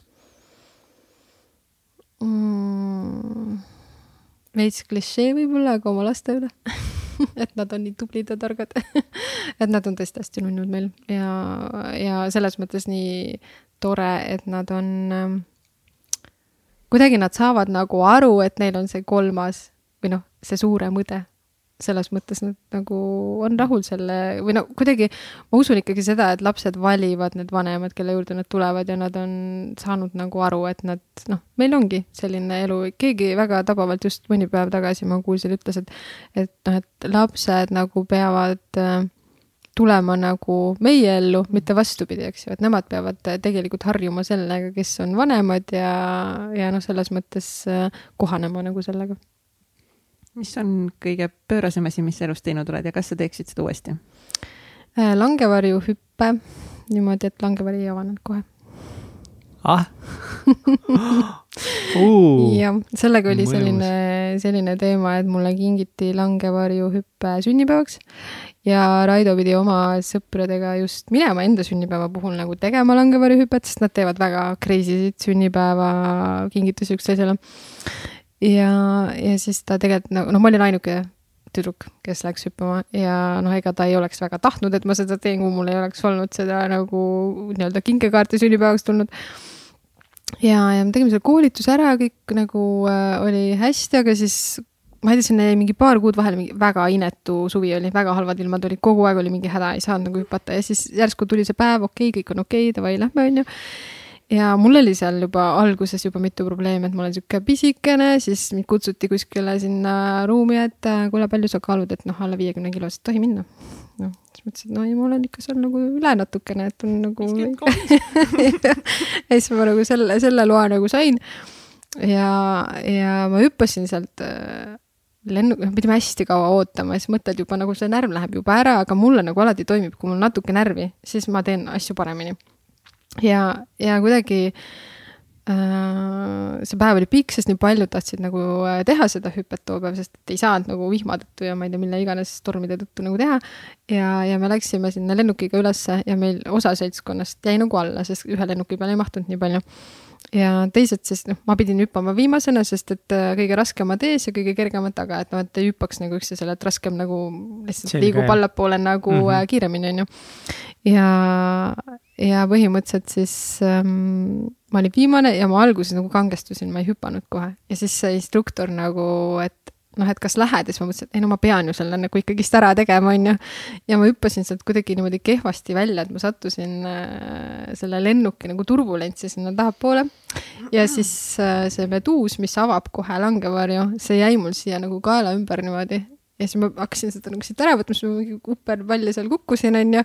ja siis see langevari avanes oluliselt hiljem, aga ta avanes selles mõttes, et aga noh, instruktor nemad, lennuk sõitis edasi, tema arvas, et ma kukkusin surnuks. ta oli väga närvis, kui ta alla jõudis. Ja siis ta nagu nägi, et ma olen ikkagi seal olemas. ja, ja see oligi niimoodi, et noh, minu enda jaoks ei olnud see paanika üldse nii suur. Ja kõik nagu läks okeilt, on ju, ma ei saanud isegi aru ju sellest, et kui pikk see vaba langemise periood oli ja no ma ei mõelnud ka, sest ma teadsin, mul on tagavara langevari niikuinii, mis seal kuskil kolmesaja kuuekümne või kolmesaja viiekümne meetri peal avaneb, onju. aga, aga jah, et äh, teised sõbrad all vaatasid ka, aa, Mari-Liis vist ei hüpanud, onju, et noh, et noh, poisid hüppasid, nad ju teadsid, palju meid on seal. ja siis järsku vaatavad, oota, mingi täpike langeb seal ulmekiirusel nagu maa poole. ja siis sa said aru, et see olen mina et jah, see oli niisugune olukord, et ma uuesti ei katsetaks mm.. mul läks mu järgmine küsimus ka meelest ära selle peale. no, mis? oota, ma mõtlen välja. mis, mis? algab sõnaga. mis? sa andsid praegu vihje, jah? mis on? aa, ei oot, aa, ja, ja oi issand, nüüd tuli meelde muidugi, nii lihtne, ma teadsin kogu aeg, ma kontrollisin neid, mis on edu võti um,? ma tahaks öelda järjepidevus ja ma tean, seda öeldakse teil siin saates mega palju, aga tegelikult. kui see on tõsi, siis palun ütle, ära nüüd valeta meile. ei, selles mõttes see kindlasti on üks osa, aga ma mõtlesin selle peale veel siin viimastel päevadel, et tegelikult ka see stressitaluvus, ma arvan, on nagu väga suur, et kui sa ikkagi midagi väga suurt teed, sul on pidevalt pinge ja stress peal, eks ju, ja kui sa seda nagu ikkagi üldse nagu ei talu, et siis sa tegelikult ei suuda mitte midagi nagu suurt teha. noh, et see on kindlasti väga tähtis. skaalal ühest kümneni, kui veider sa oled palju pakute, ma ei tea. ei, sinu küsimus, sinu küsimus, Mailis, sinu oma. ja, ja mm,. ma ei tea. ma arvan, ma ei ole väga veider. mis see on siis äh, kõige veidram on? on kümme. on kümme või? ja nagu maks, maks, maks, maks nagu niipidi. The weirdest person ever. Ma ei tea, kolm-neli, ma ei ole väga veider, ma arvan ise. ma arvan, et kõik arvasid, et see oli veider, kui sa viiendal päeval lapsega tööle tulid rõõmsa näoga. ja noh, vaata, oleneb, mida keegi veidruseks peab, on ju. ei, see on väga hea, kolm-neli jääb, see on, me ei, ma ei proovinud sind absoluutselt mhm. ümber suunata. Eh, mul on eh, täna veel väike ekstra küsimus. Eh, me üldse ei rääkinud sellest, aga hästi lühidalt, mida Marimaa üldse tähendab, kust see nimi pärit on? Oh, seda küsitakse kogu aeg. no see... obviously ja, no sellega oli selline lugu, et kui ma panin brändile või kui me mõtlesime seda nime, siis minu jaoks, kuna ma olin käinud Saksamaal tööl palju ja mu nimega oli seal tohutu palju probleeme, sest mul on kaksikvokaal, vokaal nagu Mari-Liis ja ennem oli mu perekonnanimi Soobart, mida mitte keegi ei osanud nagu hääldada, isegi Eestis oli probleeme, sest kõik kirjutasid Soopart, tegelikult on nagu ja siis oi, ma saan nüüd hakata tegema siin vennale sul. Sa ei, sa ei tulnudki selle peale veel. No vot onju. ja siis ma nägin, et seal on ka nagu probleem, et nagu need O-d, eks ju et peavad olema ühekordsed, et neid vokaale ei tohi niimoodi olla, nagu eesti keeles on okei okay,, on ju, aga välismaal nagu inimesed ei, ei saa sellest aru, ei oska hääldada. et brändi nimi peab olema selge ja, ja siis kuidagi äh, noh, mõtlesin selle oma nime peale, on ju, Mari-Liis ja sealt nagu põhimõtteliselt, kui nagu võtta, siis ta võiks olla ju, et nagu Mari mood on ju, et nagu lühendatuna, aga tegelikult oli see, et see, see mm, nagu sünk sealt tuli niimoodi, et mul oli TTÜ-s üks show, kus ma kasutasin lugu, mille nimi oli Merumo. ja see olid ühekordsed tähed, on ju, ja, ja sealt tuli see, et aga ma saaks teha Marimaa. et selles mõttes ta ei olnud algul nii, et Mari mood ja ma lühendasin, aga see noh saab ka olla see, on ju. jah, sest mu hüüdnimi oli Mari too hetk. kas sul on juhuslikult ka mõni lemmiktsitaat või lemmikütlus? Äh, ja ma nagu, äh, no ma ei teagi, kas ta on nii väga tsitaat, mul neid on ka palju kirjutatud üles, aga see põhimõte, mida ma nagu ise järgin, on see, et kõik äh, juhtub põhjusega. lihtsalt sellest põhjusest sa saadki nagu hiljem aru alles et algul võib-olla ja mingites olukordades nagu what the fuck, mis just juhtus, on ju, miks see minuga juhtus ja miks see praegu minuga juhtus. aga, aga ühel hetkel saad aru, et okei okay,, tegelikult kui poleks olnud seda, siis ei oleks juhtunud seda ja noh, nii edasi, et, et jah. jah meil on nüüd kohe näha, et eh, hooaeg hakkab kohe läbi saama sest eh, kui me tavaliselt seda saab raamatuid saates valida mm, -hmm. siis seekord ma teen su elu ülilihtsaks. ei anna valida, jah. ma lihtsalt kingin ja ma loodan, et sa oled seda raamatut lugenud ja see on Million Mindseti poolt siis eh, Hall Erodi Imede hommik. ei, ma ei ole lugenud seda. super, palju õnne, Mari-Liis, sa saad selle Imede hommiku, see on, ei see on päris hea raamat. oma varahommikusel äh, ärkamisel lugeda. täpselt, äkki saad paar head. enne kella kaheksat hommikul näed täpselt, see on nagu sulle, see oli loodud, see ootas lihtsalt sobib, sind siin. uh Amazing. tehtud. tehtud. nii tore. aga mul oli ikka kleiti seljas. no aga ega ma kohe ei saanud õmblema siin hakata see on midagi custom made vaata siin asjad, et eh, need niisama ei tule, et sa pead minema mõõtma. ja me selles mõttes teemegi niimoodi, et äh, me ei tee nagu suurusnumbreid ka ette väga valmis, et me tahame, et iga inimene saaks selle värske toote, et isegi kui ta tellib suurusnumbri, siis me teeme selle talle aitäh sulle väga, et äh, sa tulid täna siia, et sa jagasid äh, kõiki neid lugusid, aitäh, et sa oled nii pöörane, nii pööraselt sihikindel ja nii pööraselt. Äh, perfektsionist perfektsionistlik ja, ja sa käid seda oma rada ja. nii vankumatult ja nii kindlalt ja vahepeal nutad seal kai, mis, mis, mis, mitte kai ääres ju, kus see on? oli küll seal kai, Tallinna Sadama. Tallinna Sadama kai peal vahepeal peabki nutma, vihma sajab, paned mingi kurva muusik käima ka mm., ülihea ja. järgmine päev kütad mm. Ja muusika on täiega hea teraapia. Very good. jälle üks, jälle üks inspireeriv naisterahvas, kes ka ja saab ettevõtlust ja emadust koos teha, saab jah, saab. Neid nagu näiteid on veel, neid näiteid on veel. käed, kõik nüüd ringis käed meil. oota, aga kas me, kas sa viitsid, kas viitsid kaadri peale ka selle võtta, Egert, aitäh. ja aga jah, aitäh kuulamast. aitäh kuulamast. pane korra alla. aitäh, et kuulasid saadet Täitsa Pekkis saade tõid teieni Katrin Hindrikus-Karu ja Mihkel Vetemaa. tehniline juht Egert Karu. supernatas by Priin Tallo. ÜRO Supreme Manager Kelly Treu. ja NASA juhtivanalüütik Kaari Aupaju. kui see saade läks sulle korda ja inspireeris sind, siis toeta meid Patreonis, patreon.com, kaldkriips, täitsa pekkis tee ära. saadet toetavad United Dream Studios, Tint Disain, Million Mindset kirjastus ja Blender. järgmise korrani